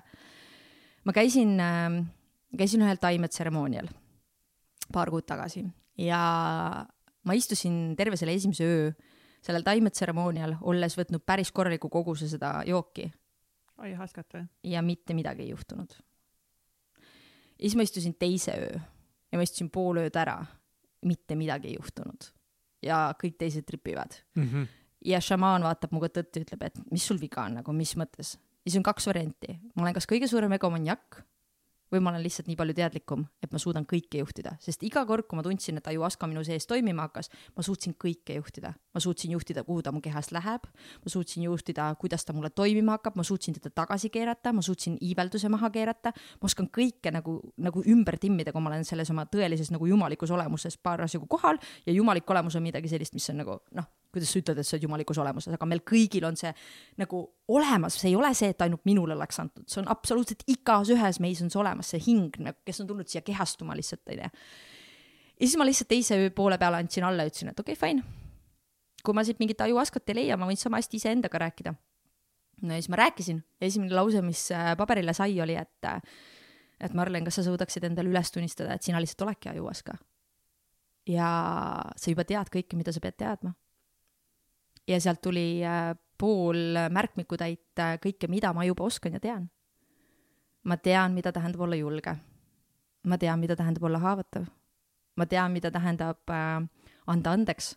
ma tean, mida tähendab ennast päriselt tervendada oh,. ma tean, mida tähendab võtta elu ette mingid eriti hullud eesmärgid ja nende järgi minna ma nagu täiega tean, mida tähendab võtta aeg maha ja lihtsalt panna maailm seisma selleks, et olla nendega koos, kes sulle olulised on. Nad on nagu, see on lõputu kogus neid asju, mida ma tegelikult olen oma elus läbi teinud. aga me oleme nii harjunud sellega, et alati peab olema midagi veel mm. -hmm. me oleme lõputult harjunud sellega, et mida veel saab paremaks teha, aga mida saab veel paremaks teha, aga mida saab veel paremaks teha, mitte kunagi me ei jõua endal päriselt, ei luba endal nagu päriselt kohale jõuda. ja ja minu kõige suurem väljakutse on olnud see, et ma ei leia ülesse, et mis mul veel katki on. nagu midagi peab veel katki olema ju, come on, aga ei saa olla, et ma olen kõik ära tervendanud nagu. ja siis ütlesid, et see alateadvus on lõputu. just nimelt. ja siis samal ajal nagu ma vaatan ennast ja ma saan aru, et äh, need asjad, mille tase, mis taseme peal mina praegu midagi ümber programmeerin, need on niivõrd nagu, no nagu sihuke detailide timmimine sest et nagu terviklikult ma tegelikult igapäevaselt olen elanud üle kümne aasta kooskõlas oma hingega olles juhitud oma kõrgema mina poolt. mu intuitsioon ütleb mulle, kus ma pean olema, millal ma pean olema, miks ma pean olema, ma lähen lennuki peale sellepärast, et mu intuitsioon tõstab mu sinna. ma lähen äh, nagu ütlen kellelegi midagi sellepärast, et mu tunne ütleb, et ma pean ütlema ja sealt tuleb mingi maailma kõige ägedam asi välja uh,. ma saan vahepeal küll väga räigeid ja rämedaid kogemusi, see ei ole see koht, et elu enam ei annaks mulle mingeid õppetunde. hullult ta ikka annab, aga see tase nagu võimet ennast hoida ka kõige selle keskel, kui me oleme protsessis, arengus või kasvus, see ei ole võrreldav sellega, kust ma alustasin. ja ma tean, et minu tänaseks päevaks minu kõige suurem nagu see varjukülg on see, et ma ikka veel teen ennast väikeseks ja varjan ennast maailma eest. ja ma ikka veel tahan öelda, et nagu, et aa, ma teadsin nagu natukene niimoodi vutt-vutt natuke räägin ja aga noh, ärge mind nagu liiga palju nagu tähele pange või nagu parem on, kui, kui ma nagu ei satu liiga suurde nagu tähelepanusse ja kas sellel ma tean, et on taust ja see taust on äh, nii sellest elust kui ka tegelikult eelmistest eludest, ehk siis nagu väga paljudel meist on kollektiivselt, eriti naistel sees nõidade põletamise periood. ehk siis see hetk, kui aastasadu tagasi kollektiivselt naisenergia lihtsalt suruti alla, kui sa olid intuitiiv, kui sa oskasid kätega ravida. kui sa tegid midagigi kahtlast ja keetsid mingisuguseid nõiajooke kokku, siis need naised hävitati ja see oli sellel hetkel religiooni poolt ja meesenergia poolt, ebateadliku meesenergia poolt peale surutud. aga no me räägime, et nõied põletati, aga kes need nõiad olid, need olid lihtsalt tavalised naised mm. -hmm ja tegelikult see on meie kollektiivses alateadvuses nagu väga paljudel sees, et tänapäeval, kui me üles ärkame, siis väga paljud naised kogevad seda, et neil tulevad uuesti mingid unenäod ülesse, kus nad näevad, et neid põletatakse või, või tekivad siuksed mm. -hmm no, Mina... kuidas, kuidas see saab kellegi nagu hinges või mälus olla, mis juhtus paarsada aastat tagasi? kõik on meie sees, absoluutselt kõik on meie hinge sees, sest et nagu selles mõttes, et nii palju, kui mina kogeda olen saanud, mina käin väga palju eelmistes eludes, nii enda eelmises, eelmistes eludes kui ka ähm, kui ka nendes kehastustes, mis on olnud väljapool planeeti Maa, teistel planeetidel. Ja kaasa arvatud, nagu ma saan ligi nagu teiste inimeste alateadvuse kaudu nende eelmiste elude kogemustesse. et ähm, me oleme nagu nii palju nagu terviklikumad, kui me ise arvame mm. -hmm. aga mida mina kogen, on see, et kui me tuleme siia planeedile miks meeldivad meile hullult need väiksed kassid ja koerad, nunnupojad, väiksed kutsikad ja kiisud ja siis mm, -hmm. ja siis samal ajal ka väiksed beebid onju mm, -hmm. kui nad parasjagu ei karju aga nad on nii nunnud. täiega. aga miks nad on nii nunnud? Sellepärast, et neil on veel allikaga ühendus alles. Nad veel mäletavad, mis tunne on olla jumal kui ma võtan selle sõna praegu, mis on niivõrd ära kasutatud valesti religiooni poolt, aga see kõige looja, see kõige allikas, sõltumata sellest, kas sa usud religiooni või mitte, mina olen täiesti ilma religioonita kasvanud tegelikult, ma olen pidanud selle sõnaga hiljem nii-öelda järje peale jõudma. ja, ja meil on sellel hetkel lapsena, me oleme veel puhtalt ikka veel ühenduses, me usaldame elu, vaata, kuidas lapsed usaldavad elu nagu mingi väike laps nagu läheb kellelegi sülle, onju, siis laseb ennast mingi pea alaspidi, tagurpidi kukkumisse, onju, ja siis lihtsalt eeldab, et see keegi, kelle süles ta on nagu kasvõi, ma ei tea, ema, onju, et ta suudab teda kinni püüda, emal võib olla jumala aga hull nagu kukkumine ja tegu, et oota, sa kukud mul käest ära ja, ja ta laseb täie lavadusega. aga see tuleb sellepärast, tal ei ole seda kogemust, ta ei tea, nagu ta intelligentselt ei tea, et jah, ta võib peaga vastu maad kukkuda sodiks. just, ja see ongi see koht, et nagu tegelikult elu püüab meid alati kinni ja me õpime lihtsalt selle piirangu siin peale, me unustame ära, kes me oleme, me unustame ära, kuivõrd nagu juhitud. Me oleme tegelikult sellest millestki kõrgemast, mis on tegelikult nagu meie allikas või meie sisemine juhatus. meie hing tegelikult on valinud selle kehastuse, ta on valinud selle keha, ta on valinud selle, kuhu ta kehastus, ta on valinud. Need vanemad, ta on valinud need kogemused. Ja need kogemused on kõik kooskõlas sellega, kelleks sa selles elueas nagu ennast treenid saama et nagu minu vanemate lahutus, kui minu vanemad ei oleks lahutanud, ei oleks mina see, kes ma tänaseks päevaks olen mm. -hmm. see sundis mind hakkama lahendama, kes ma olen, see sundis mind hakkama lahendama ka suhete teemat, mille võrra ma olen endale loonud maailma kõige imelisema suhte mitte lihtsalt oma abikaasaga, aga üldse kõige imelisemad suhted enda ümber, oma kogukonnas, totaalne uus maailm, armastuse energia, lõputu armastuse ja hoituse väli, millel ei ole mitte midagi tegemist sellega, mida inimesed arvavad, mida see tähendab, oh my god, armastuse väli, kõik magavad kõigiga. ei, see ei ole see sa võid jätta selle seksuaalsuse sealt täiesti välja sellel hetkel, see on lihtsalt see, et me julgeme päriselt hoolida. ma julgen päriselt oma südame avada. Ja siis sellel hetkel nagu, kui ma olen selles voos et äh, minu hing juhib mind, siis mu elu voolab. ja kui ma olen sellest lahti ühendatud ja ma elan ainult oma mõistusest lähtuvalt, siis ma satun deprekasse ja see deprekas on märk sellest, et ma olen oma rajalt kõrvale astunud. ja meil on ühiskonna täis inimesi, kes on rajalt kõrvale astunud, sest süsteem dikteerib ette, millal sa teed, kus sa teed, mida sa teed ja kuidas sa teed ja selle võrra tegelikult me oleme selles ülesärkamise protsessis, kus me peamegi hakkama astuma välja nendest vanadest süsteemidest ja samal ajal olema need uue maailma liidrid, kes aitavad ehitada paremaid lahendusi, kes aitavad äh, nagu tulla turule nendel uutel toodetel, mis on kooskõlas loodusega, kooskõlas inimestega, aitavad tuua välja neid too-, neid noh, sünnivad need uued ettevõtted, kus töömentaliteet on absoluutselt teistsugune mm. -hmm me, mina vaatan peale sellele, et kuidas saab olla normaalne, et sa annad viis päeva nädalas ja kaks jääb sulle. see tundub täiesti julm kuubis nagu, ma ei saa aru, kuidas keegi saaks sellega nõus olla on küll julm ühtepidi, aga mõtled selle peale. teistpidi, vot see ongi see, no see on nii räige programm, et tundub nagu noh, aga kuidagi ma... teistmoodi oleks ju väga veider. aga mõtle, milline maailm see oleks, kui. mulle tundub, et ainult kõik... ettevõtjana see on võimalik, noh, et siis sa oled iseenda boss ja ja mingis mõttes jaa, ja selles mõttes, et enne seda, kui tuli äh, see koolirevolutsioon on ju, kus ehitati üles see, see koolisüsteem, mis meil tänapäeval on, on ju, siis enne seda kõik olidki ettevõtjad olid kingsepad mm, -hmm. lihunikud äh, nagu rätsepad, igalühel oli see oma äh, teema, mida ta tegi. kõigil oli oskus finantshariduse mõttes. kõik olid FIE-d ja see õppimine ei käinud läbi selle, et sa käisid koolis. õppimine käis läbi selle, et see ingliskeelne sõna apprentice ehk siis õpipoiss. Yeah.. kui sa tahtsid olla kellegi äh,, õppida midagi selgeks, sa olid tema õpipoiss. Mm -hmm.. seega, kui mina näiteks tahaks hakata podcast'e tegema, siis mina peaksin tulema ja istuma teie juures mõnda aega ja vaatama, kuidas te podcast'e teete. Yeah ja ma õpiksin selle nagu sada korda rohkem eh, nagu kiiremini selgeks ja professionaalsemalt selgeks, kui see, et ma käiksin nüüd mingil kursusel.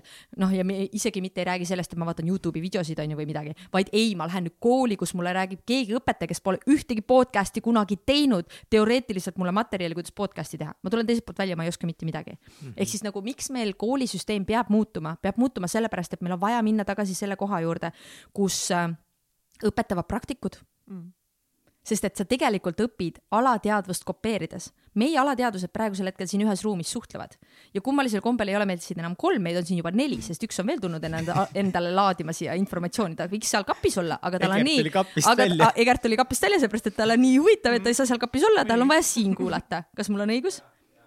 Ja see on see koht, kus meie alateadvused suhtlevad ja praegusel hetkel, kui minu alateadvus on lahti, siis teie saate la laadida endale alla järjest hunniku täis seda informatsiooni, isegi rohkem, kui su teadlik teadvus endale teadvustab. kõige haigem on lihtsalt see, et samal ajal need programmid, no need vanad programmid, need põhi, see põhioperatsioonisüsteem ikka teeb tugevat tööd, et nagu noh, vastu võidelda või blokeerida või, või et nagu see- ja... ja- panna kuskile, okei okay,, võtame siit siin need jupid vastu, paneme sinna kaust ära, seal need on liiga ohtlikud, sealt mm -hmm. vaatame natukese ühe külje alt ja selle võrra ma näen täiega seda kohta, kui sa ütlesid, et vaat sa vaatasid seda filmi The Secret on ju, ja see tundus sellel hetkel ikka mingi koha pealt liiga nagu mingi õõ, no mis iganes, mis see sõna on, roosamanna või ebareaalne no jabur, selles mõttes, et no see põhi, no ongi, et see Just. Idee on väga õige, onju Jah.. see, millele sa aga kui sa saad sinna taha selle tehnilise teadmise, mis Jah. tänaseks päevaks on täiesti olemas, kvantfüüsika on eksisteerinud nagu ma ei tea, üle viiekümne aasta praeguseks hetkeks nagu minu teada, et nagu võib täpselt järgi guugeldada, aga seal on nagu, ühesõnaga, seal on nagu täiega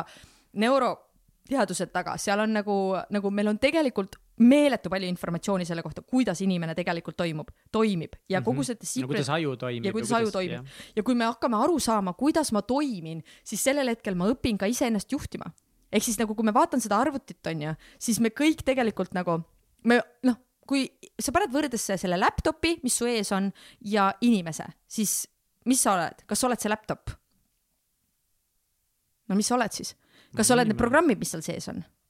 kas sa oled see kõva, kas sa oled see mm. nagu äh, kest või? kas sa oled see keha? ei ole, sa oled see keegi, kes seda kasutab. mm. -hmm. Aga oma kehade sees olles me unustame seal ära, et mina olen see keegi, kes juhib seda keha ja seda meelt ja seda hinge nagu seal taga me enam ei näe nagu sellise olulise osana. me nagu sukeldume sellesse reaalsusesse nii sügavalt, et me unustame ära, kust me tegelikult tulime, mis me teeme. ja minu jaoks on asjad läinud nagu selle tasemeni välja hm,. nii tore, räägime siukestest asjadest mina olen käinud sellistel tripidel nagu enda sees ära korduvalt, kus minu jaoks on kogu see maailm lagunenud laiali piksliteks mis see tähendab? täpselt nii ongi.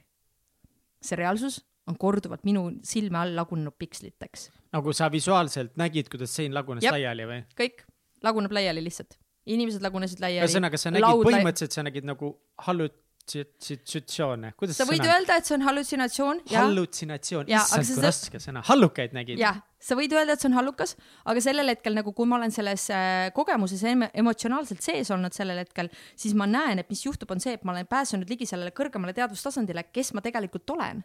ja sellel hetkel ma näen, kuidas see tegelikult kõik on nagu väga plastiline, nagu see kõik on tegelikult ainult pikslite maailm. me, see on nagu laias laastus, me oleme nagu VR-i sisse nagu programmeeritud, me lihtsalt ei saa aru, et me oleme arvutimängus sees.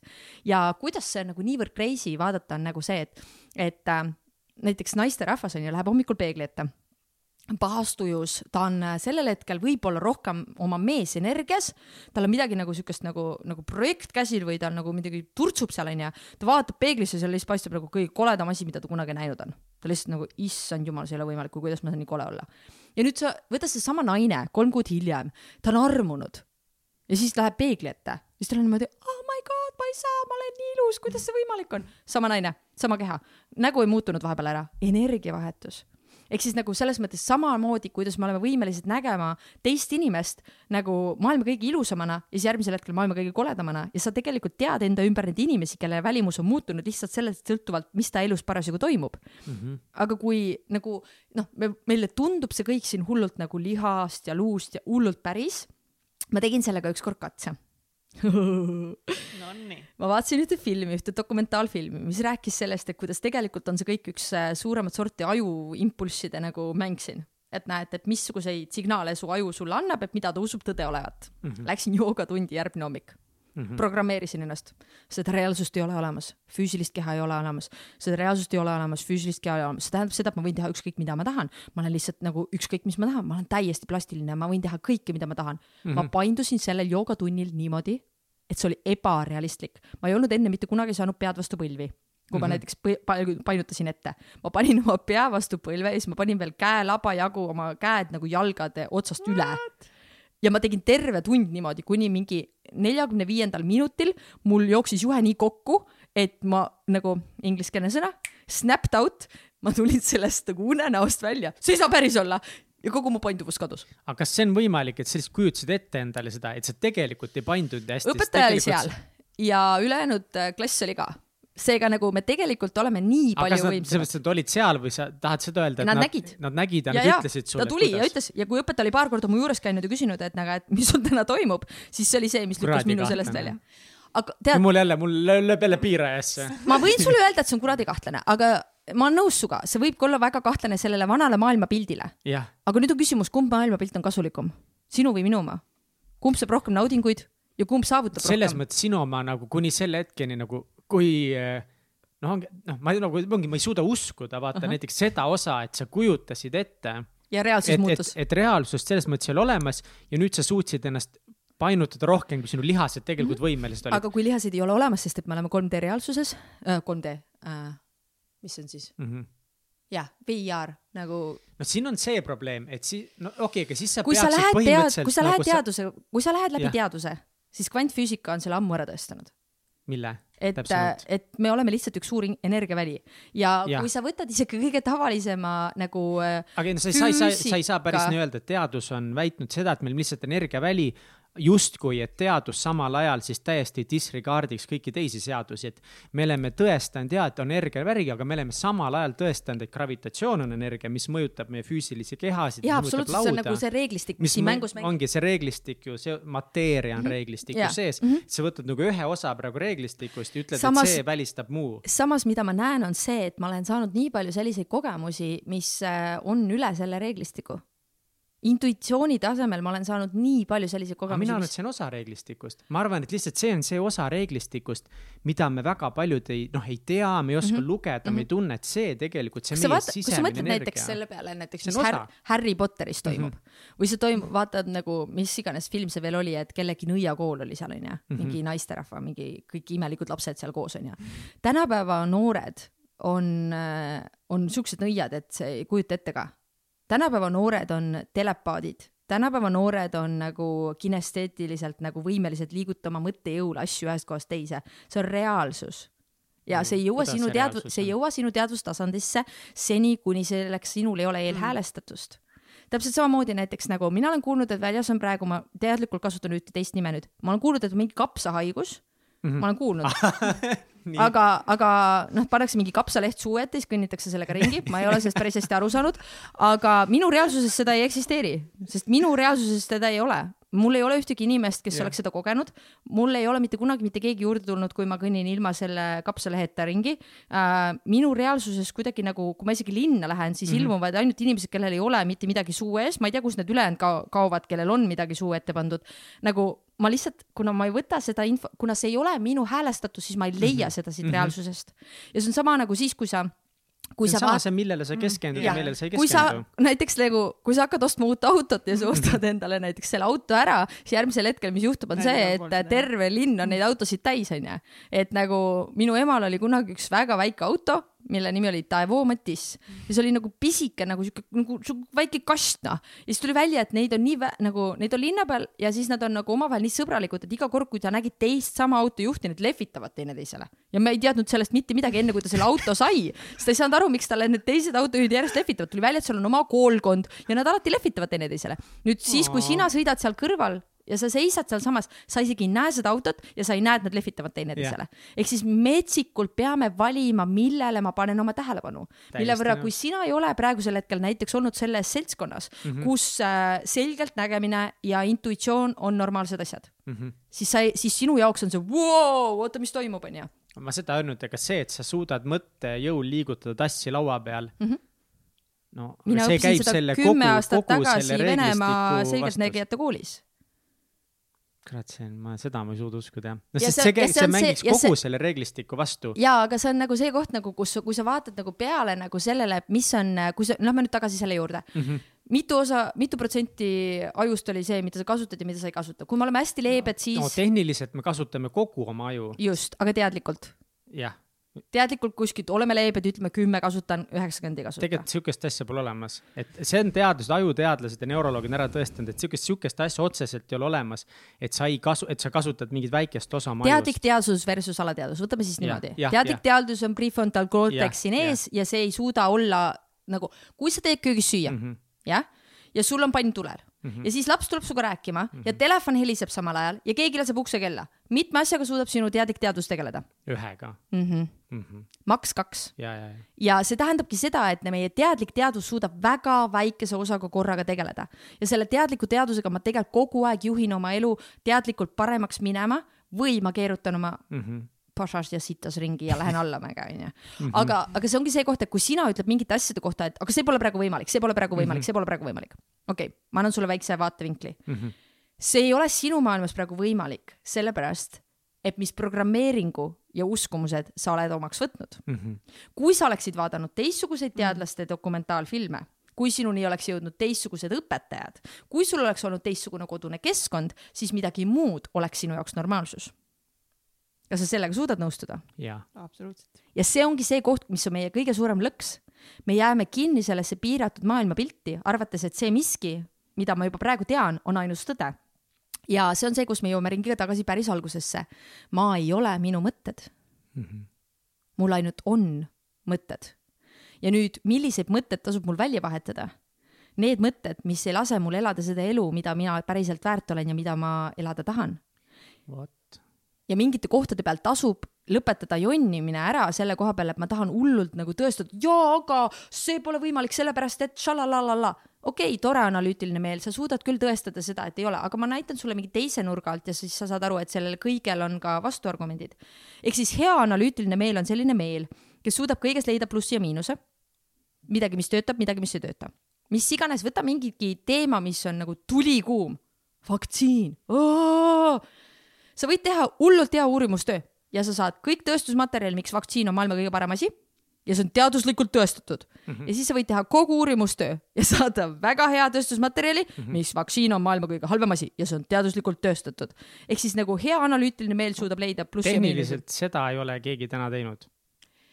see on, okei okay,, vot siin vot siin on tegelikult ainult, siis on, siin on see, vot see küsimus, et mida me nimetame nii-öelda heaks teaduseks, et kas me võtame selle, mis on nüüd- üldlevinud teadus või okay,, võtame võtame lihtsama näite, okei okay,, võtame lihtsama, tänapäeva teadus on väga palju nagu äh, äh, korrupeerunud mm, -hmm. mille võrra see pole enam puhas teadus, okei okay, mm, -hmm. ja mõlemat pidi teadus on alati korrumpeerunud okei, väga sellest ajast peale, kui teadus tehti, seda juhtis majandus mitte mingisugune just, just, just. Ja see ongi see armastus. koht, kuhu me praegu ühiskonnaga jõudnud oleme. me peame, kuna me oleme infosõjas mm. -hmm. onju, ja kogu ühiskond tegelikult nagu äh, rapub praegu mm -hmm. ja kõik vanad struktuurid rapuvad, siis me ei saa enam äh, nõjatuda teadusele või äh, meediaallikatele või mingisugusele välisele asjale, kes ütleb meile, mis päriselt on ja see on see koht, kus me, see protsess, mis praegu maailmas käib, on see, et inimkond ärkab üles oma sisemisele tõele ja see, mida me tegelikult hakkame üks hetk järgmine hetk kuulama, on meie sisemine kompass. Aga kas sina oled sellega nõus, et kõik, mis maailmas toimub, ei saa olla ainult sinu sisemine kompass, et ma nagu, ma olen selle osaga Oot, kõik, oot, mis oot, ma oot, räägin, oot, oota, ma ära- räägin, oot, ma räägin oot, mõtte oot, ära libise üle.. ei, ma ei libise üle, me lähme tule, ma räägin mõtte lõpuni ära, ma ütlen lause lõpuni ära, et ma, ma olengi nagu, ma nagu tunnen, et see ei ole Ükskõik, nii kus must. saatesse Marlen läheb, siis ta hakkab vaidlema lõpuks ikkagi. No, aga selle mina- mina ka vaidlen. Ja see on diskussioon, jaa. arutelu, lihtsalt nagu. Mihkel, ma tahan midagi näidata korraks. nii näita korra. ma ütlesin sulle praegu ühe jumala põhjapaneva koha ja sa jooksid sellest nii kiiresti üle, et sa ei lasknud seal isegi mõjuda endale. lase seal korra mõjuda. proovi vaata, kas sa julged. ei, ma julgen. okei, proovi, las ta mõjub lihtsalt sulle korra. okei okei, ma Meil kardan, et ma ei vaja- saa lasta mõjuda, sest ma näen selles nii suuri nagu probleemi. vot aga ma näen, et see on vot. ohtlik Ja see- probleem. ja, ja see ongi see koht, päris kohalolu, see, kes ma mm -hmm, olen mm, -hmm. tõde sellest, kes ma päriselt mm -hmm. olen, see ei pea mitte kunagi mitte midagi kaitsma. Ma olen sellega nõus, sa võib-olla ei kuula tegelikult, millega ma ei nõustu, et sa nagu selles mõttes ühtepidi ma näen, et sa oled väga oma selles asjas kinni, ma nagu oma asjast kinni. aga mida ma tahan öelda, on see, et, et ma tunnen, et nendes asjades on see kesktee, et näiteks, mis ma lihtsalt tunnen, korra, ma ütlen selle mõtte lõpuni ära. et, et, et ongi see kõik see hingene pool ja see, mida me tegelikult tahame teha, ma olen sellega nõus. aga ma näen selles natukese nagu probleem, millega ma ei ole nõus, on see, et et me otsustame lihtsalt, et näiteks kogu teadus on korrumpeerunud ja me ei tohiks lasta nagu, me ei tohiks teadust enam usaldada. ja ma näen, et see tekitab probleemi, kus me teeme tegelikult inimestele liiga. sest see, see ei saa olla ainult niimoodi, et kas variant A, me kõik oleme süsteemis ja teadus on paha või variant B on ju, et äh, me kõik tegelikult peame ise ainult tunnetama, mida me teeme ja ainult uskuma, mida me teeme mina arvan, et on see C, mida ka tegelikult sina enne rääkisid. paneme kaks kokku. paneme kaks kokku, jah. Mm -hmm. aga, aga ma nagu, aga ma näengi, et see ei ole kahe kokkupanemine, kui me praegu ütleme, et kõik meedia, kõik teadus, kõik on korrumpeerunud ja ainult see, mida ma nagu ise nüüd tunnen, on õige no,. see ei ole enam kahe kokkupanemine. nii palju, kui mina tean, siis meediakorporatsioonid äh, nagu lõpuks juhib neid ikkagi nagu suur raha. jaa, absoluutselt. mille võrra nagu väga palju see asi jookseb hirmu baasil, mille võrra nagu see ei ole tegelikult inimesi toetav süsteem, mis meil praegu meedias toimub. ma olen nõus. ja koolisüsteem on ka ehitatud üles tegelikult kollel hetkel raha baasil ja ähm, palun väga vabandust, aga ka ettevõtlus kui selline, ükskõik kui tore ja hea tahab olla see üks ettevõtte juht, siis nagu oma olemuslikult äh, üldse ettevõte kui selline on juriidiline isik, keda nagu äh, ütleme niimoodi, et kui iga ettevõte, mis meil eksisteeriks, oleks äh,, selle taga oleks mingi inimene, kes vastutab oma isikliku eluga selle eest, mida ta teeb, siis meil ei eksisteeriks Coca-Colat ja väga paljusid mm. muid selliseid asju, sest sa ei saaks korda saata selliseid kuritegusid, mida meil praegu planeedil korda saadetakse mm. -hmm. ja see on see koht, kus, kui me oleme infosõjas ja siis sel juhul selles infosõjas on kaasatud nii meedia kui see teadus kui need igasugused erinevad infoallikad. Äh, me tegelikult lõpuks enam ei tea, mis on tõde Mm -hmm. me tegelikult ei tea enam, mis on tõde ja see, kuhu me jõuame praegu minu taju järgi ja sa võid täiega vaielda, aga minu taju ütleb, et meid lükkab see protsess selleni, et me peame hakkama kuulama oma sisetunnet mm. -hmm. ja kui mu intuitsioon aktiveerub, siis ma hakkan tegelikult tunnetama ära, et mis on tõde ja mis ei ole sest praegusel kapsahaiguse perioodil ma lihtsalt kaifin seda, kuidas skeptikute intuitsioon on ärganud ja nad ütlevad lihtsalt nagu, skeptikud on praegu meie kõige parem nagu, nagu, nagu, nagu vägi selles vastuslöögis, sest nad ütlevad lihtsalt, et midagi siin ei klapi. Mm. ma vaatan mm -hmm. statistikat ja ma näen, et surmade arv kaks tuhat kaheksateist, kaks tuhat üheksateist, kaks tuhat kakskümmend, huvitav, miks siin ei ole üldse rohkem ja huvitav, miks on üks nädal rohkem tulnud statistikasse juurde, enne oli viiskümmend kaks nädalat, nüüd on viiskümmend kolm nädalat, mis toimub? Ja nagu selles mõttes, et, et me peame nagu hakkama seisma selle peal, et kui mu sisetunne viitab millelegi, et ma julgeksin seda kuulda. aga inimene ei kuula oma sisetunnet, kui ta on hirmust halvatud mm. -hmm. ja hirmust halvatud mitte lihtsalt selle koha peal, mida meedia meile räägib, aga hirmust halvatud ka sellepärast, et ma ei saa valida teistsugust töökohta, sellepärast et ma pean oma laene maksma või et ma ei saa kõndida tänaval olemata parasjagu abikaasa, sest äkki ma siis jään oma perest ilma. nagu ma, ma pean välja tulema sellest seisust, kus ma kardan ähm, nagu jah, kus mind nagu halvab see nagu, et midagi võib minna valesti, sest sellel hetkel ma elus ei vali kasvu ja ma ei vali nagu seda, et valida midagi paremat enda jaoks. ja me kõik tegelikult oleme praegu olukorras, kus meid sunnitakse valima midagi paremat iseenda jaoks ja see ei tähenda seda, et lõpuks meil on ainult mediteerivad joogainimesed. ei, sest et meil on kogu ühiskond, mis on vaja ümber programmeerida. meil on vaja kõikides nagu eluvaldkondades neid paremaid lahendusi, mis tähendab seda, et me vajame kõiki neid meditsiiniinimesi, me vajame kõiki neid õpetajaid, me vajame kõiki neid teadlaseid, me vajame kõiki neid nagu tehnikainimesi ja nagu informatsioon, informaatika inimesi nagu kõik valdkonnad on nagu kaasatud nagu. meil peavad olema kõik, kes lähevad järgmise taseme peale, aga meil peab hakkama tekkima julgus tahta elult enamat. ma ei ole tulnud siia mm -hmm. eksisteerima lihtsalt selleks, et tiksuda äh, hommikust õhtuni töökohal, mida ma ei taha. elades jess, ma sain Mihkli tagasi. ei, sa ei kaota mind kunagi ära ja mingites asjades ma räägin jätkuvalt nagu I totally need you, noh, ma ka enne ütlesin I need you more in my life. väga, väga, väga. ehk siis laias laastus see on lihtsalt see koht, et nagu kui ma ärkan üles oma täispotentsiaali, siis ma ei karda enam. ja siis mind ei juhi enam äh, puudujäägi hirm vaid ma julgen hakata tegema teistsuguseid valikuid. Ja ma julgen lükata elu äh, muutusesse mitte ainult nagu alguses enda jaoks, aga siis ka enda ümber terves nagu minu kogukonnas ja minu ühiskonnas. ja nagu praeguseks hetkeks me oleme jõudnud sellesse perioodi, kus ma kunagi aastaid tagasi selle kõigeni jõudsin, usu mind, ma sattusin täiega deprekasse. Kui ma hakkasin uurima alguses nii-öelda vandenõuteooriaid issand jumal, ma lihtsalt mõtlesin, et nüüd on kõik. see on sünge auk. see on sünge auk, aga see oli üldvajalik, sellepärast et ma olen tänulik, et see juhtus minuga kümme aastat äh, varem kui nagu väga paljude teistega, sellepärast et ma jõudsin selle augu läbi käia, ma jõudsin sellest teiselt poolt välja tulla, ma ei ole, ma olen juba nagu jõudnud ennast ära stabiliseerida sinna uude maailma, et ma tean ja ma tajun, kuhu me läheme. aga mis juhtus minuga, oli see, et ma lihtsalt ei saanud aru et kui kõik need asjad, mille peal me oleme nagu praegusel hetkel nagu toetunud, põhimõtteliselt kõik kukub laiali nagu ähm, nagu meditsiin on korrupeerunud, nagu ravimitööstus on korrupeerunud nagu no,. kõik ei kuku laiali jällegi. no nagu... ütleme siis niimoodi, et, et alustalad, alustalad väga ja. paljudes asjades on valed, me peame mm -hmm. suutma lahti harutada sealt selle, mis töötab, mis ei tööta.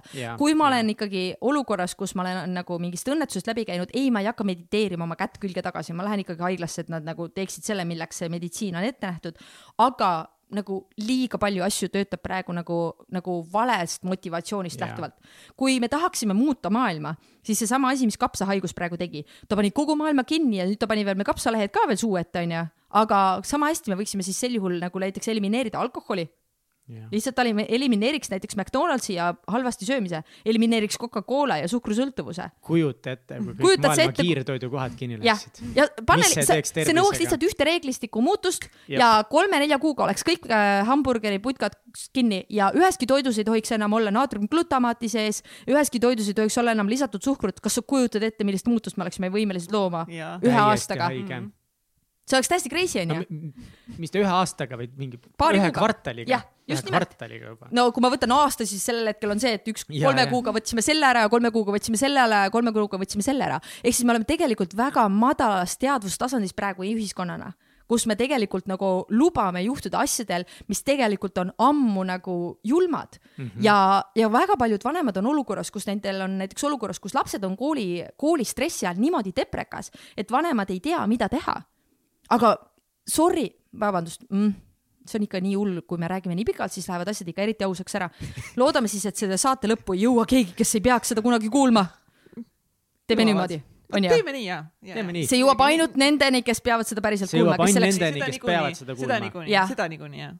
keegi teine ei päästa neid lapsi sealt koolisüsteemist ära kui te ise loomulikult. sa nagu seni, kuni vanemad on selles kohas, kus nad ikka veel ootavad, et keegi väljapoolt tuleb ja teeb selle uue koolisüsteemi, ei tule Te peate ise hakkama valima teistsuguseid valikuid. kui mina tegin valiku, et minule, meie, meie tegime valikud, et meie lapsed on koduõppel, ei, see ei ole ideaalne. ma eelistaksin, et me oleksime uue ajastu koolis. aga kui seda uue ajastu kooli veel ei ole ja Tallinnas on natuke rohkem alternatiive, Tartus tollel hetkel ei olnud rohkem midagi võtta, siis, äh, siis mina tegin oma parima võimaliku valiku ja mõtlesin, et okei okay,, koduõpe on praegu parem valik kui, äh, kui klassikalises mõttes kool, aga tegelikult me vajame seda uut maailma Mm -hmm. me vajame seda teistsugust äh, nagu lähtepunkti kõikides erinevates asjades, me vajame seda holistilist meditsiini, me vajame seda ähm, haridust, mis läheb äh, lähtuvalt sinu huvidest ja hakkab juba väiksest peale nagu jälgima sind selle koha peal, et mille poole sind tõmbab, et ma ei suru sind sinna, kus sa ei pea minema, vaid ma lasen sul minna sinna, kus sind tõmbab ja siis järgmisel hetkel sinust saab see geniaalne keegi.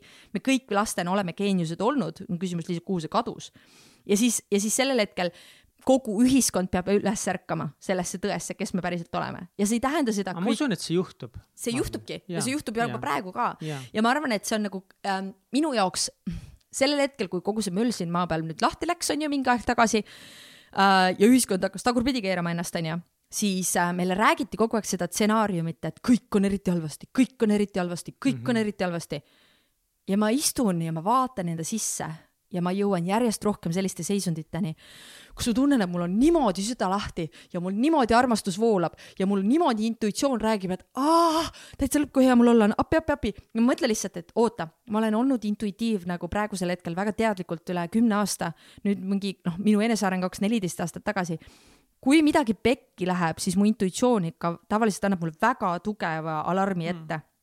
näiteks kui ma läksin palile ja ma jäin kinni sinna, siis äh, ma saan aru, et või, selle kohta võib öelda hea probleemide omada, aga äh, klassikalises mõttes ma ju ei teadnud, mis saama hakkab. ma ei teadnud ju, kauaks ma sinna jään, mul on kodus pere, ma ei saa enam lennuki peale, ma ei tea, kuidas ma nagu finantsiliselt välja jään, et ma lihtsalt lampi nagu teises riigis on ju, kuidas, mis, mis tingimused seal on, kas seal asi läheb hulluks, kas see tähendab, et mul pole enam süüa, kas see tähendab, et mul pole turvaline.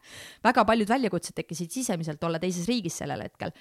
aga enne, kui ma läksin lennuki peale, mul oli nelikümmend kaheksa tundi selline protsess, kus ma ainult nutsin ja ma istusin köögilaua taga ja ma ütlesin Kaidole, et ma ei tea, mis toimub, aga kui ma praegu sinna lennuki peale lähen, mul on niisugune tunne, et ma lähen, ma ei tule mitte kunagi tagasi või kui ma lähen, siis ma lähen palju kauemaks, kui ma planeerin ja mul oli planeeritud kolmenädalane trip. ja me istusime maas, me vaatasime sinna sisse, me ei teadnud kumbki sellel hetkel mitte midagi sellest, et mis maailmas sellel hetkel nagu sellel tasemel toimuda võib, et meil üleöö võiks hakata olema olukord, kus ma ei tea, palil on nagu lennujaamad suletud ja nii edasi, onju ja siis sellel hetkel ma sain aru, et mu intuitsioon kogu aeg teadis, et nagu nüüd läheb, noh, nüüd toimub midagi. ja tollel hetkel, kui ma ähm, nagu Kaidoga mm, seda läbi seedisin, siis me tegime teadliku valiku, et okei okay,, tunne on, et päriselt füüsiliselt keegi ära ei sure, et äh, mis iganes siis sureb, siis tõenäoliselt see on ainult meie sisemine nii-öelda piirangute maailm, meie ego, et äh, võtame selle vastu, et praegu tundub õige, et sa lähed. ja ma lendasin sama päev, kui Eestis tuli eriolukord ja ma jõudsin äh,, sul jookseb küll varinad jah, ma jõudsin Singapuri ja Kaido on saatnud mulle, meil on siuke olukord, Saaremaa on kinni äh,, Läti pani koolid kinni ja ta-ta-ta järg- ja siis ma siis istun keset Singapuri ja mul on niimoodi, et oh my god, mis toimub, kogu maailm keerab tagurpidi. ma tegelikult teadsin ja sama oli näiteks, kui ma läksin äh,, läksin sünnitusele oma kolmanda lapsega. ma ei saanud aru, miks ma näen kahte kohta, ma nägin kahte pilti. ma nägin, et ma olen haiglas ja ma nägin, et ma sünnitan kodus ja mul on niimoodi, kuulge, mul on üks rasedus, ma ei saa sünnitada kahes kohas korraga. nagu nii paralleeluniversumites, kui mina ka ei ela oma nagu ebarealistlikus maailmas, seda on liiga palju isegi minu jaoks. et nagu võtaks ikka nüüd füüsilises reaalsuses ainult ühe lokatsiooni. aga mis juhtus, oli see, et äh, tegelikult tütar sündis kodus. aga mul tekkis verejooks poolteist tundi hiljem ja ma lõpetasin haiglas. ja kui ma seal üles ärkasin peale vereülekannet ja tulles tagasi teispoolsusest, mis on taaskord jälle üks nendest kohtadest, mis on väga palju mõjutanud minu elu, miks ma näen kõike nii teistmoodi oh,. mul keerub kõik sees praegu oh,. ma nii tänulik, et ma valisin tagasi tulla oma kehasse. siis sellel hetkel ma sain täiega aru, miks ma nägin nende kahte pilti. ja see on see koht, kuhu me peame jõudma inimestena, et äh, jah, me jätame oma mõistuse meile alles. Jah, me jätame alles kõik need äh, teadvustasandid, äh, teadlikkuse nagu kõikidest nendest tehnikavidinatest ja kõigist nendest võimalustest, meil läheb kõike seda vaja, et maailm korda teha. meil ei ole see koht, et me läheme tagasi kiviaega, see ei ole see, mis teeb maailma korda, meil ei ole näiteks plastikpudelite probleem või plastiku tarbimise probleem, seda ei lahenda ära see, et ärme tarbi enam nagu äh, noh, et ärme tarbi enam üheski pakendatud asjas midagi, lähme tagasi sinna, kus me banaanilehtedesse pakendasime asju, onju. ei, meil on vaja hoopis tehnoloogiaid, mis toovad välja äh, loodussäästlikud äh, nagu materjalid, mis sellel hetkel on nagu näevad, toimivad, tunduvad nagu need head materjalid, mis meile meeldivad, aga samas lagunevad looduses. ja selleks on vaja just neid teadlaseid, selleks on vaja kõiki neid, kellel on kõik need oskused mm. -hmm. aga meil peab olema julgust nagu mõelda väljapoole kasti. meil peab yeah. olema julgust minna üle nende piiride, kus meile öeldakse, et ära sinna mine ja selle võrra praegusel hetkel see periood, kui väga palju keeratakse väliseid kanaleid kinni, kus me ei saa teha seda, mida me oleme harjunud tegema. vabandust, aga ma olen näinud, kui paljude inimeste elud on läinud paremaks mm. -hmm. kui neil on tekkinud aega mm. -hmm. ja nad on öelnud, et issand jumal, kuidas ma igatsesin seda, aga saad aru, see kevad ma riisusin kõik oma lehed ise ja siis sealt tagant hakkab tulema see, et nad hakkavad küsima päris küsimusi. kas see on väärt äh, elu, mida ma elan mm? -hmm kas ma tegelikult ka tahan ainult nagu hommikust õhtuni rabada, kas ma tegelikult nagu ka tahan hoida oma last selles klassis, kus on koolivägivald või ma julgen hakata vaatama alternatiive. äkki ma pean klassi vahetama, äkki ma pean äh, leidma mingisuguse no,, mis iganes ma pean, äkki ma pean tegema midagi selleks, et see elu muutuks. kas ma julgen vaadata otsa sellele, kus mu füüsiline keha praegu omadega on jah, kahekümnendates sa saad täiega surfida selle peal, kui sa sööd kräppi ja mitte midagi ei juhtu. kolmekümnendates sa hakkad juba vaikselt tundma, aga neljakümnes, viiekümnes sa saad väga hästi aru, mis valikuid on inimesed kolmekümnendates teinud, kas nad muutsid oma tervisliku harjumuse ära või mitte, siis kui veel ei olnud näha, et kuhu su keha läheb mm -hmm.. ehk siis nagu ma näen, et me oleme täiega sihukeses perioodis, kus me peame tooma kokku selle südame ja meie aju. nii et Mihkel, täiega ühes paadis täiega ja Katrin, Katrin lihtsalt lihtsalt naudin sõidab kaasa. absoluutselt. kell on meil juba meil läheb väga hästi, see on olnud lihtsalt imeline vestlus ja mul on nii hea meel, et eh, me saime nagu, nagu vaielda või nii-öelda noh, mis iganes, kuidas te nimetame seda, me saime mm. nagu rääkida ja mõelda, me ei, diskuteerida ei ja. me hakkasime nagu rääkima nendest suhetest. aa, no suhetest me ei jõudnud seekord rääkida, ma pean, ma, ma ei pea, ma ei pea midagi. Sa ei pea mitte ma midagi sa võid ma valida. tahan, ma tahan eh, nüüd varsti koju magama minna. see on täiega hea valik, sest et yeah. minule tundub, et väljas on pime. aga ma saan aru, et väljas oli pime siis ka, kui me tulime. aga veel ei ole valgeks läinud, siis on nagu hea märk, et me ei ole ikka nagu hommikuni me ei ole siin olnud, aga siiski, siiski, siiski. siiski, siiski me oleme siin mõned tunnid juba, juba. mina tahan. tänada teid. kuulge, ärme, oodake, ärme lähe veel sinna, vau, vau, vau. ei tohi või? vau, vau, vau. me Aitäh, lähme suhteliselt kiiresti aitäh, aga me ei lähe kohe aitäh, veel et te sinna. teete seda, mida te teete. jaa. sest et see, oota nüüd, oota nüüd, oota nüüd, oota nüüd, võta tänu vastu Marlen, võta tänu ma olen vastu. nõus tänu vastu, aga liigu-, teeme selle ringi natuke hiljem, enne ma ta, tahan, me jõuame veel sinna tänu- tänuringini, ma võtan väga hea meelega kõik tänu alati südamega vastu. kõik tänud võtame enne, enne seda, ta on sama võitväline nagu sina, aga teise koha peal. ja sellepärast me sobimegi tiimiks. ütle naisterahvale nagu ma tahan teid tänada, ta läheb paanikasse juba enne, kui ma jõuan lause lõpetada, võib-olla see oleks olnud ainult kakskümmend sekundit, aga ei, seda on talle liiga õigel palju. ajal peab tänama nüüd õiges oodake kohas. nüüd, õig-, täpselt, meil on nagu. ei saa liiga palju head anda, ei, ma ei täna mitte midagi, ma olen täitsa tänamatu, jätkame. Seda ma ei usu. see on, see on see valetamise värk, ma tahtsin ennem lihtsalt nagu, kui me hakkame saadet siin kokku tõmbama ja üksteist siin tänama, siis ongi see, et okei okay,, kui ma nüüd kuulasin eh, selle saate ära, ma nagu mingi, okei okay,, see on nagu äge info, mulle meeldib see, mida Marlen, sa räägid, onju või mis olid sinu nagu esimesed praktikad, mida sa kasutama hakkasid, mis aitasid sind sellel teekonnal edasi ja mis võiksid olla nagu kellegi nüüd, kes seda kuulab, kes on mingi hm,, ma tahaksin ka rohkem siis nagu oma teadvust arendada mm, -hmm. et nagu, nagu kust alustada või millist, milliste praktikatega sa soovitad seda teha? Mhm. jaa, okei okay.. no ma ikka tahaks teid täiega tänada. Selle- ma tahan ka enda asja no täna, täna, täna. ma lihtsalt täiega tahan tänada teid selle eest, mis te teete, selle eest, et nagu, et, et kuivõrd te nagu suudate nagu tekitada selliseid keskkondasid, kus te lähete kaasa selle kellegi teisega, kes toob mingi täiesti teistsuguse maailmapildi. sest et nagu Mihkel, sa võid öelda, mis sa ütled selle vaidlemise kohta, nagu sa ütlesid jumala ilusti enne, et näed, et jah, sa vaidled, aga sa suudad täiega ka kuulata et nagu nii äge, et ma ei oleks elus arvanud, et me jõuame nagu nii nagu sügavate nagu asjadeni, mida me siin praegu oleme välja sõnastanud, et nagu see oli täiega edasi jõudnute nagu materjal ja siis te istute, ja siis te istute veel jumala nagu naeratavate nägudega siin vastas, aga mul on niimoodi, et oh my god, mis ma teile veel rääkida saaksin. siin vaikselt niimoodi mm,. ma tahaks nii väga sinuga veel rääkida, nii et ma, ma, see lõhnab nagu part kaks. see lõhnab nagu minu meelest me Kaidoga ka eelmine kord eh, siis me peaksime Kaidoga koos tulema. täpselt seda me tookord arutasimegi, et nagu teie kaks värki-särki Oh, vau. ja mul tuli täna juba, issand, mul tuli veel next level asjad täna ka veel mõttesse, Teeme Ma- koos, Maarja, davai. Maarja, Maarja Jõgi oli ka siin ja siis me kõik arutasime, et meil tuleb see valentinipäeva saade, vaata see Shalini moodi ja siis Venumiga, siis ma olin mingi oh my god, siis nemad, siis, siis teie nagu ja siis, et sellest nagu teha veel mingi eraldi nagu värk, ühesõnaga nagu erinevad paarid räägivad oma mingi suhtekogemusi kõike nagu noh. täiega, täiega in, nagu teiega on nii tore. kas ma sain nüüd ära tänada või? ei, pärast võid jätkata. pärast, okei okay,, liiga vähe oli, okei okay,, ma pärast teen juurde. natuke see oli vähe head veel. aga mul oligi vaja natukene nagu praegu lihtsalt siuke hingetõmbe no okay, ma tänamine. võib-olla ootasin natuke rohkem. naine peaasi, et oleks kogu aeg rahulolematu. täpselt nagu. nii, sa küsisid, kust Jah. alustada? okei mm -hmm. esimene asi, millest pihta hakata, on see koht, et lihtsalt äh, teadvustada endale seda, et äh, muutus on võimalik ja tehtav ja et seda on võimalik teha päris kiiresti. ja mina ise alustasin niimoodi, et ähm, mina võtsin ette tegelikult äh, paar filmi ja paar raamatut, mis andsid mulle väga hea baasi um,. üks on The Secret, saladus, millest on nii film kui äh, ähm, raamat olemas mm. Eestikeelsete subtiitritega levis see kunagi kümme aastat tagasi, ma ei tea, kus praegu on veel, aga noh, ühesõnaga seda leiab um,. see sobib rohkem neile, kes ei ole liiga analüütilise mõttega, need, kes jäävad analüütikuna kinni sinna, siis nemad võib-olla saavad natukene nagu seda, et issand, see on liiga roosamanna. aga ära keskendu mitte sellele, mida seal ei ole, vaid keskendu sellele, mis seal on, et ta tegelikult nagu annab hästi olulise osa valemist jah, äh,. nüüd teine väga oluline film minu jaoks oli What the bleep do we know? Eesti keeles Mida kuradit me teame? ja sellest minu teada vist tuli ka ra-, noh, raamat on inglise keeles kindlasti olemas, sellest on kaks filmi, üks on lühiversioon ähm,, mingi a la kahetunnine ja siis neil on veel Down the rabbit hole, kus on mingi kaheksa tundi nagu kvantteadlaste äh, materjali.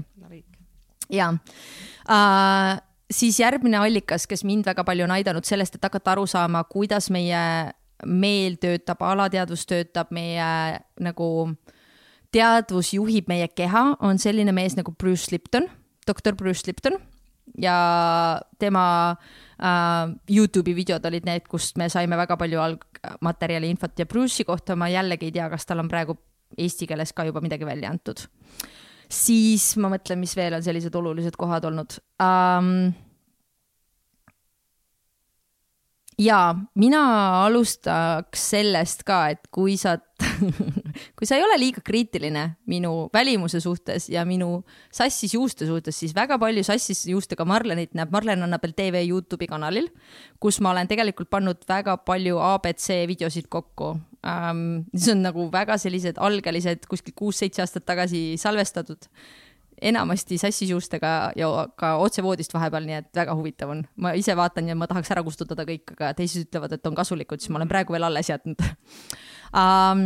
ja siis um, kangem kraam, mis ma ise tee, toodan, leidub sellises grupis nagu Turbiin, Facebooki grupp ma saan aru, et sellel on nüüd kaks gruppi, üks on see nii-öelda tasuta. üks on Turbiin on... ja teine ja. on Turbiin pluss. Turbiinis on meid praegu vist üle nelja tuhande ähm, ja Turbiin pluss on siis selle nagu sõsarkogukond taustas, väike salajane kogukond. kes tahavad nagu rohkem. ja, ja sinna, sinna saab ainult kandideerimisega ja sinna me võtame vastu ainult kaks korda aastas, vahepeal isegi ainult korra aastas okei okay,, millal järgmine vastuvõtu kandideerimisavaldused saab anda siis? tõenäoliselt kaks tuhat kakskümmend üks kevad, aga täpset kuud ei ole veel teada, sest me praegu just detsembris võtsime ja siis selle võrra praegu me oleme keskendunud nendele, kelle me sisse tõime. ja me oleme proovinud igatepidi, me oleme proovinud ka seda, et ala, mis tunne on, kui meil oleks uksed kogu aeg lahti, aga reaalsus on see, et, et nagu teha seda sisemist tööd, mida me inimestega teeme, siis me jõuame jälle tagasi turvaruumini ja seal on nagu tõesti see, et me töötame niivõrd haavatavate, niivõrd siiraste kohtadega, et äh, selleks, et grupp läheks tõesti nagu päris teemadesse, mm, siis me vajame seda privaatsust. Ja ma praegu täiega nagu hoian seda sajaga seal paigas. Ja tänaseks on pluss kasvanud selleks, et äh, kui alguses olin mina see üksik keegi, kes seal ees vedas, siis kahe aastaga ma jõudsin väga selgelt läbipõlemisse ka selles projektis ja sain aru, et ma ei jõua kakskümmend neli seitse lihtsalt vedada kahesaja naise gruppi ja nüüdseks on grupp kasvanud iseseisvaks, ehk siis seal näeb mind, aga seal näeb ka väga palju teisi väga ägedaid tegijaid, kaasa arvatud Kaido wow,. väga lahe. jah, Kaido tegutseb ka seal aktiivselt ja siis, äh, kui ma mõtlen, et äh, kuhu teid veel saata äkki alustajale sellest? alustajale üks raamatute seeria võib-olla, mida võiks veel piiluda, millel on kindlasti eesti keeles ka raamatuid, on kõik raamatud, mille on kirjutanud äh, Ester ja Cherry Hicks ja need on siis Abrahami nagu Abrahami kanaldused, ehk siis seal on nagu erinevad raamatud, üks on külgetõmbeseadus ja seal on neid veel ja veel, aga ühesõnaga autoritena nagu Ester oli naisterahvas, kes hakkas kanaldama, sellepärast et Cherry oli sihuke mees, kellel oli lõputult palju miks küsimusi. ja siis äh, ilmus üks äh, energeetiline olend nii-öelda nagu olendite kogum, keda Ester hakkas kanaldama ja rääkima nagu vastuseid kõikidele asjadele. Um,. Nemad räägivad hästi palju sama asja, aga jällegi natukene sellises kergemas võtmes, et uh, osadele sobib rohkem selline tehniline info, tehnilist infot saab rohkem sellest What the bleep do we know filmist ja siis um, Bruce Liptoni käest. Ja kui sa sealt juba minema hakkad, siis sealt tulevad hästi paljud teised. Um,. doktor Joe Dispenza. Mm.. Shout out talle megalt fänn. et ta on täpselt selline mees, kes paneb veel nagu selle teadvuse ja, ja teaduse kokku, et olla teadvel ja samal ajal nagu vaadata nagu tehniliselt sinna sisse. Ehk siis äh, kui sa juba selle raja peale saad, siis hakkab juba maailm sulle ise ette töötama, nagu andma neid järgmiseid asju. et kõige raskem on see, kui sa oled alguses selles, et äh, sa oled üksinda ja siis sul ei ole kedagi teist ümber, kes sedasama asja teeb et siis, äh, siis sellel hetkel äh, jah, ja mida mina kõige rohkem kaifin, mina kaifin seda, et kui sa julged lihtsalt hakata küsima, palun mulle neid uusi inimesi, kes elavad nagu teistmoodi.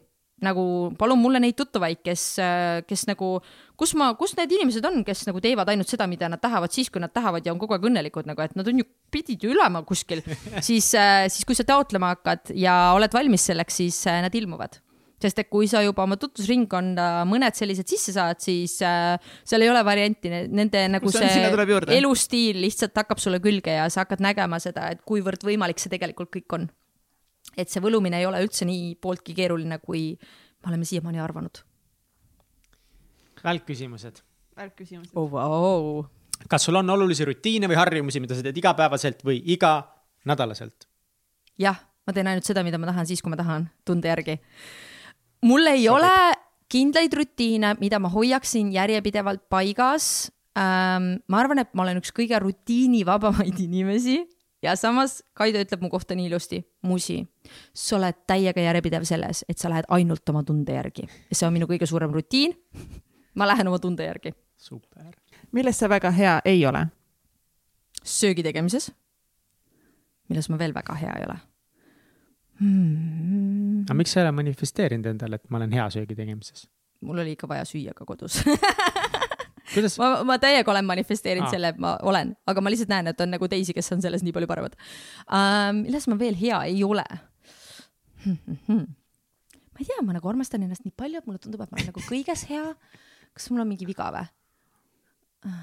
milles ma hea ei ole. mitte viga Kindlasti..., vaid võib-olla asjad, mis delegeerid näiteks hea meelega ära. oi, ma delegeerin kõik ära, ma ei tea üldse mitte midagi um,. mulle ei meeldi eriti analüütilised, mulle ei meeldi analüütilised tegevused um,. aga analüütilised inimesed? võivad olla väga nunnud nagu tänane see vestlus on. võivad olla väga nunnud ja tegelikult nad on kõige paremad fännid, sest et kui sa nad ühe korra nagu kätte saad, siis äh, kui nad nagu ära painduvad, siis nad on kõige suuremad fännid ever. mulle meeldis üks naisterahvas, kes mul oli grupis, äh, kes äh, noh, tal oli hästi tugev analüütiline meel ja siis ta sai mingisuguse paugu seal grupis mingist minu videost, mis ei olnud üldse isiklikult tema pihta midagi öeldud aga ta lihtsalt võttis midagi hullult isiklikult, sest et vaata, kui sa ikkagi oled selles maailmapildis, et sa oled sinu mõtted ja keegi annab sulle teistsuguse mõtte, siis sa oled valmis võitlema selle teise inimesega ainult mõtete pärast, mis tundub maailma kõige jaburam asi. kuulge, need on lihtsalt mõtted nagu relax nagu, lase lahti mm. -hmm. ja siis ta läks grupist ära. ja siis äh,, siis ta läks kolm kuud mööda, siis tal oli, et pekki Marlenil oli ikka õigus. ja siis ta ei saanud tagasi, sellepärast et meil olid uksed kinni ja siis ta istus ukse taga niimoodi. kas nüüd juba saab sisse, kas nüüd juba saab sisse, kas nüüd juba saab sisse? Ja kui me uuesti uksed lahti tegime, siis ta kandideeris uuesti, pääses uuesti sisse, ütles ma ei lähe mitte kunagi enam minema. Ükskõik kui palju siin mulle midagi nagu pihta läheb, ma istun ja tajun ja tunnetan ja ma saan aru, et lõpuks ikkagi nagu, et kus see tõde siin on ja see ei ole see koht, et alati see, mis mina räägin, on õige, aga, aga lihtsalt see, et, et, ähm, et õppida oma sisemist intuitsiooni kuulama, et mitte, mitte minna riidu kellegi teisega lihtsalt sellepärast, et te näete asju erinevalt ähm,. mille üle sa oled kõige uhkem oma elus? iseenda üle. ma olen üks jumala äge meistriteos no ja siis mul on nagu maailma kõige ägedam suhe ja siis mul on maailma kõige ägedamad lapsed, onju. ja siis mul on maailma kõige ägedam elu, onju. ja siis mul on maailma kõige ägedam töö, onju. ja siis ma kaifin ennast täiega, onju. ja siis ma lihtsalt teen nagu jah, ühesõnaga, oh, jah. kas ah,, ja enesearmastuse üle olen ka täiega uhke Nice, noh, tulebki olla täiega uh,. pööras jah uh,, mis oh, oh. oh nüüd oh, oh, oota, mis sõna ma kuulsin? ole nüüd aus. mis on kõige pöörasem asi, mis sa elus teinud oled ja kas sa teeksid seda uuesti? oli üks nagu. ma arvan, et sul on neid mitmeid. mul on palju jah ja,. Ja. ma arvan, et kõige pöörasem asi, mis ma teinud olen, on see, kui ma aastal kaks tuhat üheksa hakkasin käima enesearengu koolitustel välismaal ja ma, see toob kaks lugu kiirelt kokku. üks oli see, et äh, ma läksin õppima USA-sse äh, külgetõmbeseadust äh, nagu õpetajaks ehk siis kellekski, kes saab coach ida ja teha gruppe ja ma läksin õppima Bob Proctori juurde ja Boobi juures õppimine maksis kaheksateist tuhat USA dollarit pluss kõik nagu äh, mm. kulud. ja ma olin teeninud sellel hetkel kõige rohkem äh, kümme äh, tuhat Eesti krooni kuus, mis on siis umbes tuhat dollarit. ja kolme kuuga ma ajasin selle raha kokku ja ma läksin ja tegin oma paberid ära.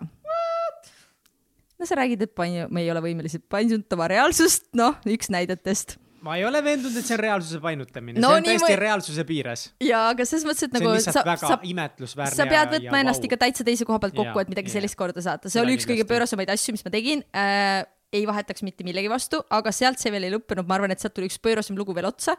ma olin käinud veel kahel koolitusel vist samal aastal ära ja siis äh, ma jõudsin äh, ühe kohani, kus mm, ma käisin USA-s äh, sellise mehe juures õppimas nagu T. Harvecker äh,, kui Millionaire Mindiga olete kokku puutunud ja mina jõudsin Harvini läbi selle, et ma olin USA-s tema edasijõudnute koolitusele esimesena. ma ei teadnud üldse, et mingi Millionaire Mind olemas on ja tal oli sihuke koolitus nagu Train the Trainer ehk siis see oli saalikoolitajate koolitus ja siis, issand, seal ma tegin ka ühe hulluse, oota, sellest me ei räägi. nii, oota, liiga palju lugusid. ja siis, ja siis Harv käis välja, et ta teeb äh, äh, privaatkoolituse äh, valitud seltskonnale äh, Tais äh, kuu aja pärast ja, ja selle hind oli jälle mingi järgmine viisteist tuhat, onju, USA dollarit sellel hetkel ja noh, ma olin juba tolle koolituse eest ka maksnud mingisugune seitsekümmend tuhat Eesti krooni ja no ühesõnaga sellel hetkel aastal oli läinud nii palju investeeringuid ja nii palju pappi oli loodud ja nii palju oli endasse investeeritud tagasi ja mul ei olnud seda raha. ja ma kirjutasin selle paberile alla, ütlesin, et ma tulen. ja ma tulin Eestisse ja, ja ma hakkasin koolitama ja ma hakkasin tegema seda, mida ma kõik olin Harvi käest õppinud. ja kuu hiljem ma olin siis olukorras, kus mul oli pool raha makstud. mul oli olemas äh, lennukipilet ja see oli kõik, mis mul oli mul ei olnud raha, et maksta hotelli eest ja mul ei olnud raha, et süüa. mul olid kontod täiesti tühjad ja ma valisin lennuki peale minna. ma sain hotellitoa niimoodi, et ma olin pannud ennast nimekirja, et kes tahab tuba jagada. ja siis see teine naine kes pidi, kellega ma pidin tuba jagama, oli pannud oma krediitkaardi, sest et nagu makse peaks tulema siis nagu hotellist välja tšekkides, et siis me jagame pooleks. samal ajal, kui mina olin koolitusel, oli siis mul nii-öelda aega, et universum manifesteeri mulle raha, et ma saaksin selle hotellitoa eest maksta. pluss äh, söök nagu mul ei olnud raha, et süüa osta, lihtsalt konto oli täiesti tühi. ja siis tuli välja, et kui Harvi koolitustel, muidu USA koolitustes ongi see klassika, et toit ei ole mitte kunagi sees, siis sellel hetkel, tollel korral nad tegid erandi ja nad ütlesid, et kuna meil on niivõrd ekstreemsed töötunnid, me tihtipeale lõpetasime öösel kella ühe-kahe ajal ja siis alustasime järgmine päev hommikul jälle kella seitsmest-kaheksast, siis nad ütlesid, et meil on nagu bufeetoit on sisse pandud sinna ja see tähendas seda, et ma põhimõtteliselt täiesti tühjade pangakontodega olin seal ja ma läksin esimene hommik sinna niimoodi, teades, et mul on pool raha makstud.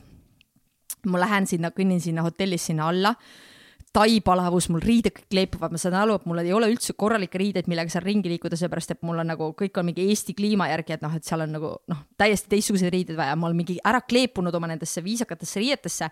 ma kõnnin värisedes nagu sinna registreerimisleheni ja ma isegi ei tea, kas mu nime on seal või mitte, et ma olen lennanud teisele poole nagu maailma äh, ja kui nüüd mind seal sisse ei lasta, siis, siis nii on, siis nagu ma ei tea, mis edasi saab. minu plaan B oli, et ma lähen pikutan rannas ja söön banaane.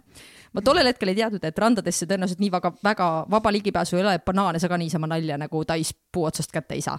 et ähm, aga ma ei teadnud blondiinkuubis ja siis äh, juhtus, et äh, nad ikkagi lasid mu sisse ja me lihtsalt tegime nagu noh, eraldi lepingu ja kokkuleppe, et ma ikkagi maksan selle raha ära mingi nädala jooksul enne, kui see koolitus lõpeb ja, ja siis põhimõtteliselt äh, jah see oli minu elu muutev koolitus, sest et see oli see koht, kus Harv Ekker oli üks nendest meestest, kes töötas minuga üksi, äh, üks-ühele. ma olin lava peal, kui Harv karjub mulle you are boring, mul niimoodi oh shit. see muutis väga palju, see muutis väga palju seda, kellena ma ennast näen ja nagu, kes ma olen olema, kes ma olen valmis olema teiste inimeste ees. ja ma arvan, et see oli minu esimene väga sügav kontakt sellega, et saada kätte see ehe mina, et mitte mängida ja mitte teeselda ja mitte nagu püüda kuidagipidi käituda, vaid nagu olla päriselt kohal kõigega, mis ma olen, kaasa arvatud siis, kui ma olen paljude inimeste ees. ja kui ma neid hullumeelseid otsuseid ja pööraseid asju tollel hetkel teinud ei oleks, siis elus poleks ma tänases päevas nagu, nagu kaifimas seda tööd, mida ma teen ja toetamas nii paljusid inimesi ehk siis äh, see kõik on nagu lõpuks ringiga tagasi tulnud. noh, ja ega ma ei tea, Saku Suurhall neli tuhat viissada inimest saalis ei olnud ka just kõige väiksem asi. Mis on edu võti? mis on edu võti? Vau, mul tuli mingi väga huvitav vastus, aga ma ütlen sulle nii, nagu tuli. enesearmastus. super. skaalal ühest kümneni, kui veider sa oled? kümme siis on nagu maksimum veider või mm? -hmm. ma pole pooltki nii veider, ma arvan, et ma olen kuskil mingi, heal juhul, võib-olla ma olen mingi kuus. Davai, no olenebki, millega sa võrdled. millega sa võrdled? täpselt, Jaa. mõni on ikka palju veidram mõni on ikka väga palju veidram. kindlasti, absoluutselt, alati leiab, alati leiab äh, nii äh,, kus meie äh, kuulajad äh, saavad kõige paremini sinu tegemistel äh, silma peal hoida üks kõige paremaid kanaleid on minu isiklik Facebooki lehekülg Marlen Annabel Kubri ja see töötab paremini kui Marlen Annabel tv leht, sest Facebook ei näita page'ide asju väga palju, mille võrra nagu minu isiklikult lehelt äh, jõuab paremini tõenäoliselt nende asjadeni, millega ma tegelen.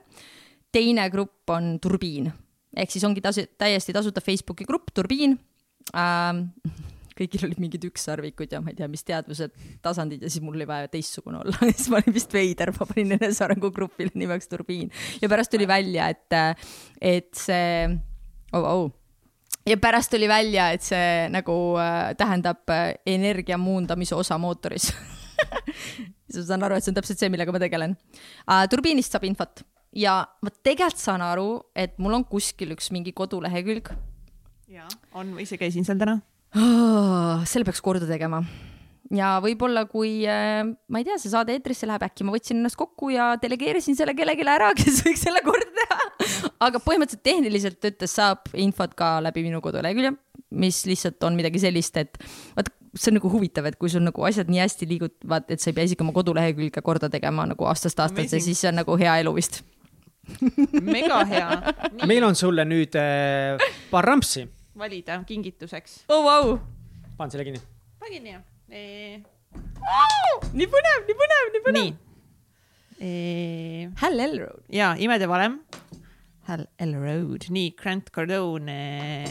Million Mindseti poolt. kümne korra reegel. jah siis see klassika Simon Sinek Start with Why, Imede hommik jälle Harli eh,, Hall, Hall, Erladi oma ja Mel Robbinsi viie sekundi reegel. Kas siit midagi kõnetab sind uh.? või ma, või ma võtan siit veel juurde ma pean e, e, tähelepanu juhtima sellisele raamatule nagu Mõistujutt torujuhtmest e,. selles mõttes, et e, ma olin, ma olen seda nime kogu aeg valesti öelnud, öeldes mõistujutt toru juhtimisest. ma ei ole suutnud seda kunagi välja lugeda, aga see on mõistujutt toru juhtmest ja see aitab siis ehitada endale tänapäeva majandustingimustes püsisissetulekut nagu to, nagu tootev torujuhe ja see inglise keeles on sõna see pipeline lihtsalt parandan enda vigasid, et ma kogu selle raamatu nime valesti öelnud. tänan tähelepanu eest. suht butšerisid ikka seekord ka, aga pole hullu. nagu ma kiusan, ma kiusan. no siis meil paluti sellele raamatule mõelda parem pealkiri, kuidas me seda tõlkinud oleks inglise keelest eesti keelde. nii, üks siit nüüd, kohe ei ole võimalik, et nad pipeline'i tõlkisid torujuhtmeks Shout out to Million Mindset, meie suurimad sõbrad nagu. väga äge. Uh, mind tõmbab praegu, kuna ma tean, kui hea oli imede hommik, siis äh, ja ma olen ise seda kusjuures praktiseerinud oma grupiga ka ja, ja see oli fenomenaalne, mis meil grupis juhtus, kui me seda kambakesi nagu tegime. siis mind tõmbab praegu selle raamatu poole. ja siis ma tahaks. imede valem. ja siis ma tahaks teha siukse liigutuse korra. samalt ja, ja, ja see sobib väga hästi. no super. kas sa, Egert, kuskilt nii, jah. ma nii. pole eksimatu, sest mõni päev pean siiski ise minema lipsuma ja kõik naise hoolde jätma kuid esmatähtsad perekonda puudutav suurim läbimurre seisneb selles, et ma ei püüa enam pelgalt linnukese kirja saamiseks nendega aega veeta kõlab nagu see, millest me rääkisime. kõlab. aitäh sulle nii palju selle kõige selle eest ja ma ootan väga-väga juba meie järgmisi vestlusi ja. sinuga. nii tore. et avardada minu ja kõigi teiste mõtlemist. ja eks see, eks see ikka oli üks korralik ego pihta minemine, et nagu kuidas Kaido siia enne jõudis kui mina, aga ma nüüd siin istudes saan aru, et ma jõudsin siia täpselt õigel ajal. täpselt õigel ajal, täpselt iga asi juhtub täpselt siis, kui ta juhtuma peab. ideaalne, perfektne ajastatus. muidugi. aitäh kuulamast ja tšau. aitäh. aitäh, et kuulasid saadet Täitsa Pekkis saade tõid teieni Katrin Hindrikus-Karu ja Mihkel Vetemaa. tehniline juht Egert Karu. supernatas by Priin Tallo. ÜRO Supreme Manager Kelly Treu. ja NASA juhtivanalüütik Kaari Aupaju. kui see saade läks sulle korda ja inspireeris sind, siis toeta meid Patreonis, patreon.com, kaldkriips, täitsa pekkis tee ära. saadet toetavad United Dream Studios, Tint Disain, Million Mindset kirjastus ja Blender. järgmise korrani